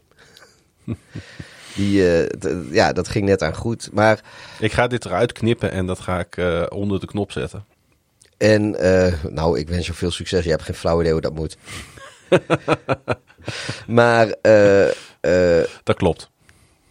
Het klopt niet. maar ik, in Green Bay zijn ze niet blij met dat ze 30 punten weg hebben Nee, gegeven. natuurlijk niet. de Panthers. Maar, En- maar dat had een reden. want Bryce Young speelde een goede wedstrijd. Hij had voor deze wedstrijd nog nooit meer dan 200, ja- 250 yards passing gegooid. En daarom is hij jouw eh, biertopper eh, van de week. Week, week, week, week.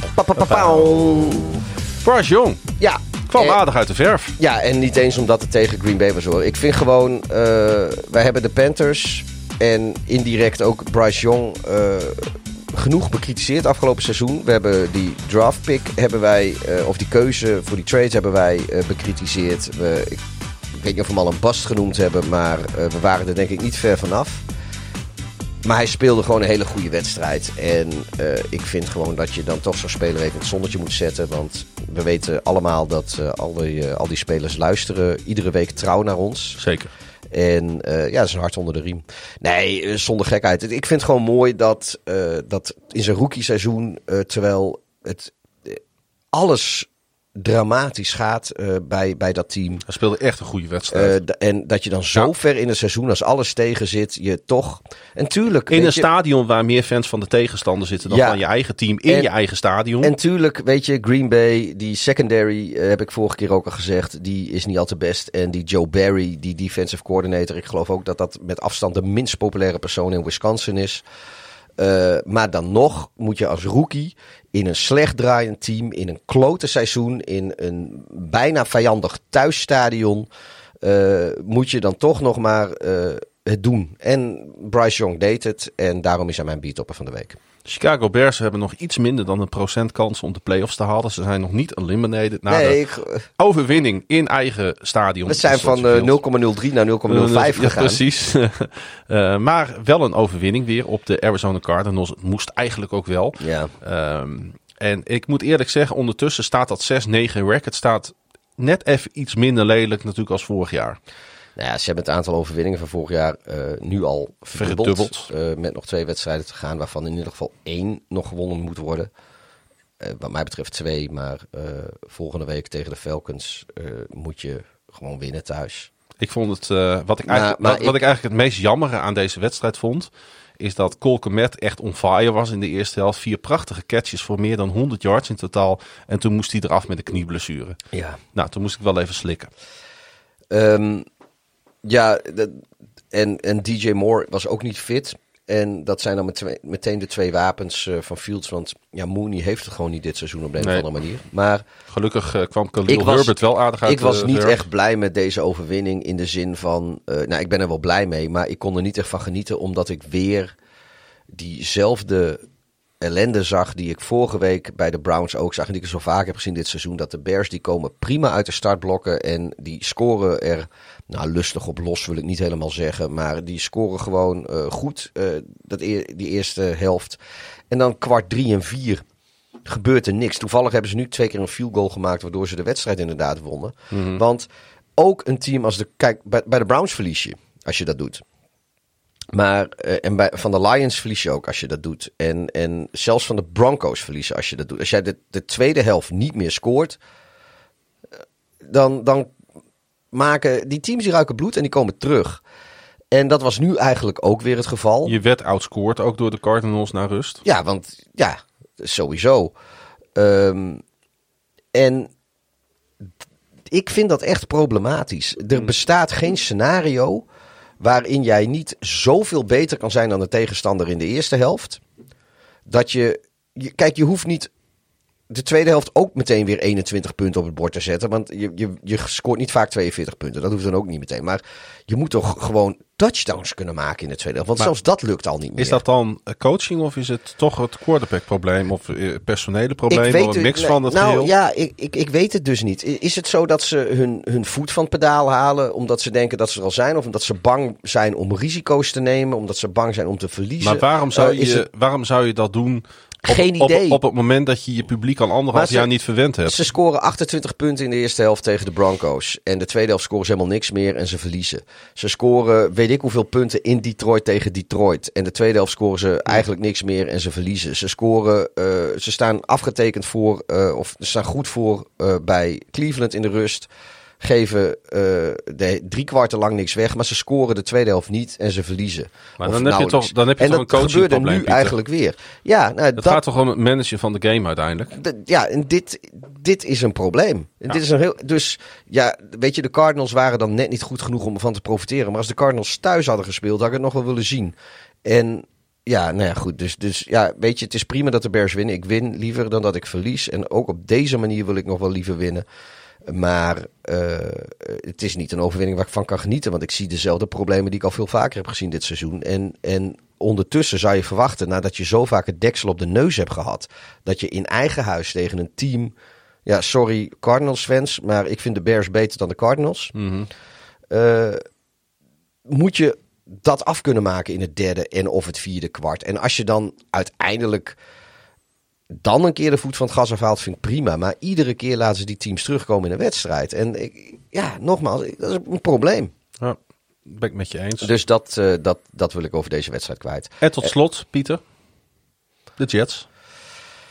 Ja, ik dacht eigenlijk dat die er een potje van zouden. Maar eerst stonden die dik voor, toen lieten ze zich helemaal terugkomen. En toen dacht ik, de fok gaat het helemaal mis, maar uiteindelijk lukt het net. Eigenlijk hetzelfde soort probleem als de Bears. Komen dik voor.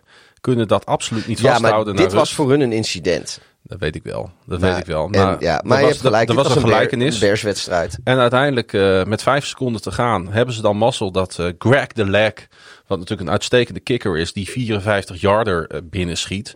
Waardoor de Jets nog naar 6-9 verbeteren. De Commanders op vier overwinningen blijven staan. Ik denk wel dat. Ik, ik, ik durf ondertussen wel te stellen dat ik de Commanders misschien wel het meest teleurstellende team van dit jaar vind. Ik werd even positief. Ja, weet je, dat is weer lullig voor onze Jets-fans, luisteraars. Maar ik, op een gegeven moment had ik zoiets van: oh man, ze komen helemaal terug. En eer- enerzijds was het wat de fuck doen de Jets. Aan de andere kant, ik vond het de Commanders ook weer te prijzen dat ze terugkomen in die wedstrijd. ja, Sam Howell en zelfs op gebenched voorsprong komen. Ja, maar ehm, met Jacoby Brissett, notabene. ja. Ook weer zo'n quarterback die ieder jaar wel weer ergens opduikt. ik, ik zie zoveel quarterbacks in de league die spelen dat ik, terwijl Jacoby Brissett beschikbaar is. Ik, ik denk dat Jacoby Brissett 6, 7, 8 teams beter maakt als starter. Waarom is hij, is hij backup bij, eh, Bij, bij, bij de Commanders? Washington, ja. ja. Ja, dat is terecht de vraag. want eh, volgens mij zelfs, oké, nu is Flecko ondertussen een beetje in de picture. Maar zelfs bij de Browns heeft hij het gewoon best goed gedaan.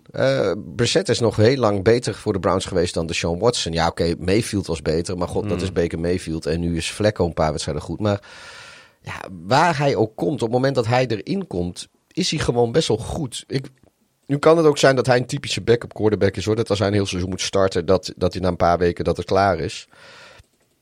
Ik bedoel, ik denk niet dat ik Brissett beter ken dan eh 32 NFL-teams. Nee. Met scouts en alles. Maar ik blijf het opvallend vinden eh, dat als je ziet wat er her en der in de league start, of wat er her en der in de league zelfs backup is, eh, die, ja, dat, ik denk dat er teams zijn die hun eerste twee quarterbacks minder zijn dan Jacoby Brissett. Eh, er staat een interessante wedstrijd op het programma voor, voor de Jets. Want die spelen tegen de Browns. Dus tegen Joe Flacco. Komend eh, oudjaarsavond. Leek me sowieso Een leuk. revenge-wedstrijd. Leek me sowieso leuk om nog even, eh, dat doen we eigenlijk nooit, maar even kort vooruit te kijken naar het programma van volgende week. Om de, gewoon de wedstrijden even op te noemen, zodat we weten wat er op, want alles doet er nu toe. Eh, komende Thursday night spelen de Jets tegen de Browns. Dus dat is de Thursday night football. Vind ik ook echt wel een Thursday night football affiche trouwens. Ja. Dan op zondag in de early window. De ehm, Dolphins tegen de Ravens. Dat is natuurlijk de wedstrijd waar, eh, waar denk ik heel veel liefhebbers naar uitkijken.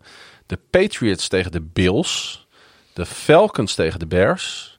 De Raiders tegen de Colts. De Rams die spelen tegen de Giants. De Cardinals tegen de Eagles. De Saints tegen de Buccaneers. Dat, eh, daar kunnen de Buccaneers dus hun titel clinchen. De 49ers gaan naar Washington voor het duel met de Commanders en de Panthers spelen tegen de Jaguars. De Titans tegen de Texans, dat is allemaal early. Dan gaan we naar de late window. De Pittsburgh Steelers, die gaan op bezoek bij de Seattle Seahawks. Hebben we het ook al over gehad. De Chargers spelen tegen de Broncos. De Bengals tegen de Chiefs, dat is ook wel een wedstrijd waar ik naar uitkijk. Ik ben gewoon heel benieuwd naar de uitkomst van die, uh, van die pot. En de, hebben dan een late wedstrijd tussen de Lions en de Cowboys. Mooi affiche. En een potentieel playoff uh, affiche natuurlijk ook. Ja. En dan hebben we nog uh, een, uh, op 1 januari een, een late game tussen de Packers en de Vikings. Ja, ja die, dat, eigenlijk loop ik daar dan niet eens zo warm nee. voor. Het is, ze zijn beide, ja, weet je... Ze maar kunnen... als ik het zo opnoem, dan denk ik dat wel dat we kunnen stellen dat Miami-Baltimore de wedstrijd van, van de speelronde gaat worden. Nou, ik, ik sterker nog, uh, niet alleen voor wat betreft, uh, uh, nou ja, voor, voor entertainment, zeg maar, voor de kijkcijfers mm. en voor de ding. Sportief gezien vind ik ook dat, dat het mooier was geweest als Baltimore en Miami uh, de laatste wedstrijd van het weekend waren geweest. Want die teams gaan er allebei van, die spelen voor de nummer 1 seed. Dus het interesseert ze niet wat er elders gebeurt, want ze hebben het allebei in eigen hand. Terwijl de Vikings en de Packers, die kunnen gewoon afwachten wat hun, de concurrenten boven hun doen in de NFC. Om te zien wat voor implicaties hun wedstrijd heeft. Want ze zitten zelf allebei buiten de playoffs, geloof ik toch? De Vikings, ja, de ook Vikings zijn de achtste seed ja. en de Packers de tiende. Dus, dus zij zitten eigenlijk alleen maar uh, het hele weekend te kijken of ze kunnen profiteren.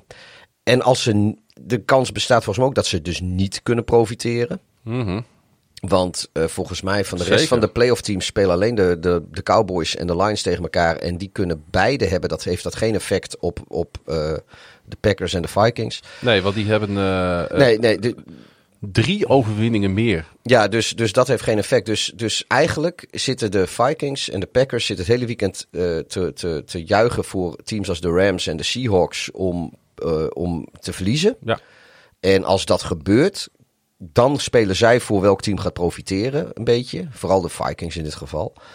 Um, en als dat niet gebeurt, dan heeft deze wedstrijd helemaal niet zoveel. Dus uh, ik, ik, ja, ik weet niet. Mijn, mijn sportieve hart vindt dit gewoon uh, een hele jammere planning. Maar ja, goed, dat wisten ze van tevoren niet. Ja. Goed, het zit erop, uh, Pieter. Dan kan ik naar de wc zo. Ja, mag en naar de wc en de stad in. Ik hoef trouwens al niet meer, want ik heb in die fles geplast net toen jij uh, bezig was. Met die andere fles is niet eens open gegaan. Dat hebben we toch netjes gedaan. Ja, mensen denken wel dat we alcoholist zijn, maar dat valt we wel We hebben gewoon mee. een flesje wijn gedeeld in uh, de afgelopen twee uur en een kwartier. Ja, dat is ook helemaal geen rare tijd om een fles wijn op te drinken. Dat ga is, jij uh, nog wat leuks doen zometeen? Ik ga nog een biertje Je doet er een beetje mysterieus maar over. Ik ga, gewoon even bier, ik ga gewoon even een biertje drinken. Dat, dat, dat, dat is het. Niet met Wil je mee of zo? Voor mij mag je mee hoor. Helemaal op. Nou, dan, dan ik moet je... niet meer mee. Bovendien moet ik eerst deze podcast nu online gaan zetten. Dat is ook zo. Goed, iedereen bedankt voor het luisteren. Pieter, bedankt voor jouw komst naar de studio. Ik bedank mezelf voor het hosten van deze podcast. Dankjewel voor dat ik welkom was. En ook iedereen bedankt voor het luisteren. En ook bedankt dat ik weer dingen mocht zeggen. Volgende week zijn we er uh, voor de na laatste keer na het reguliere seizoen. Het begint nu ook echt wel een eind aan te komen. Ja. He, dat, ik heb daar ook wel zin in. Och man, dat ik, we niet meer over 32 teams ook dat, uh, ook dat weten de vaste luisteraars tegen deze tijd precies. Ik ben er al zo goed als klaar mee. Dus, uh, dus laat, maar, laat maar komen, jongen. Dat, uh... ja. Bears staan nu 6-9. Gaan ze hun laatste twee wedstrijden winnen? Even voorspellingje? Ja. Oké. Okay. Ja, sowieso. Falcons moeten ze winnen en Packers ook gewoon. Fuck, fuck de Packers. Gaan de Ravens de eerste seed pakken? In de FC? Er is geen enkele reden om aan te nemen dat ze dat niet gaan doen. Gaan de 49ers de eerste seed in de NFC pakken? Ja. Niet de Lions, niet de Eagles. Nee, de Eagles uh, zit niet goed in de kleedkamer. ja, nee, ik, ik, ik, ik, nee de, de, ik vind de Niners, ondanks uh, uh, gisteren, vind ik nog steeds te goed. vergeleken met hoe het bij die andere teams okay. loopt. Ik denk dat ze bij de Lions zijn ze vooral te blij met hun divisie. Om die eerste. Tuurlijk willen ze die eerste seed wel, maar dat is vijf seconden. En de, de Eagles, ja, die moeten nog even de andere dingen oplossen. Beste mooi weer.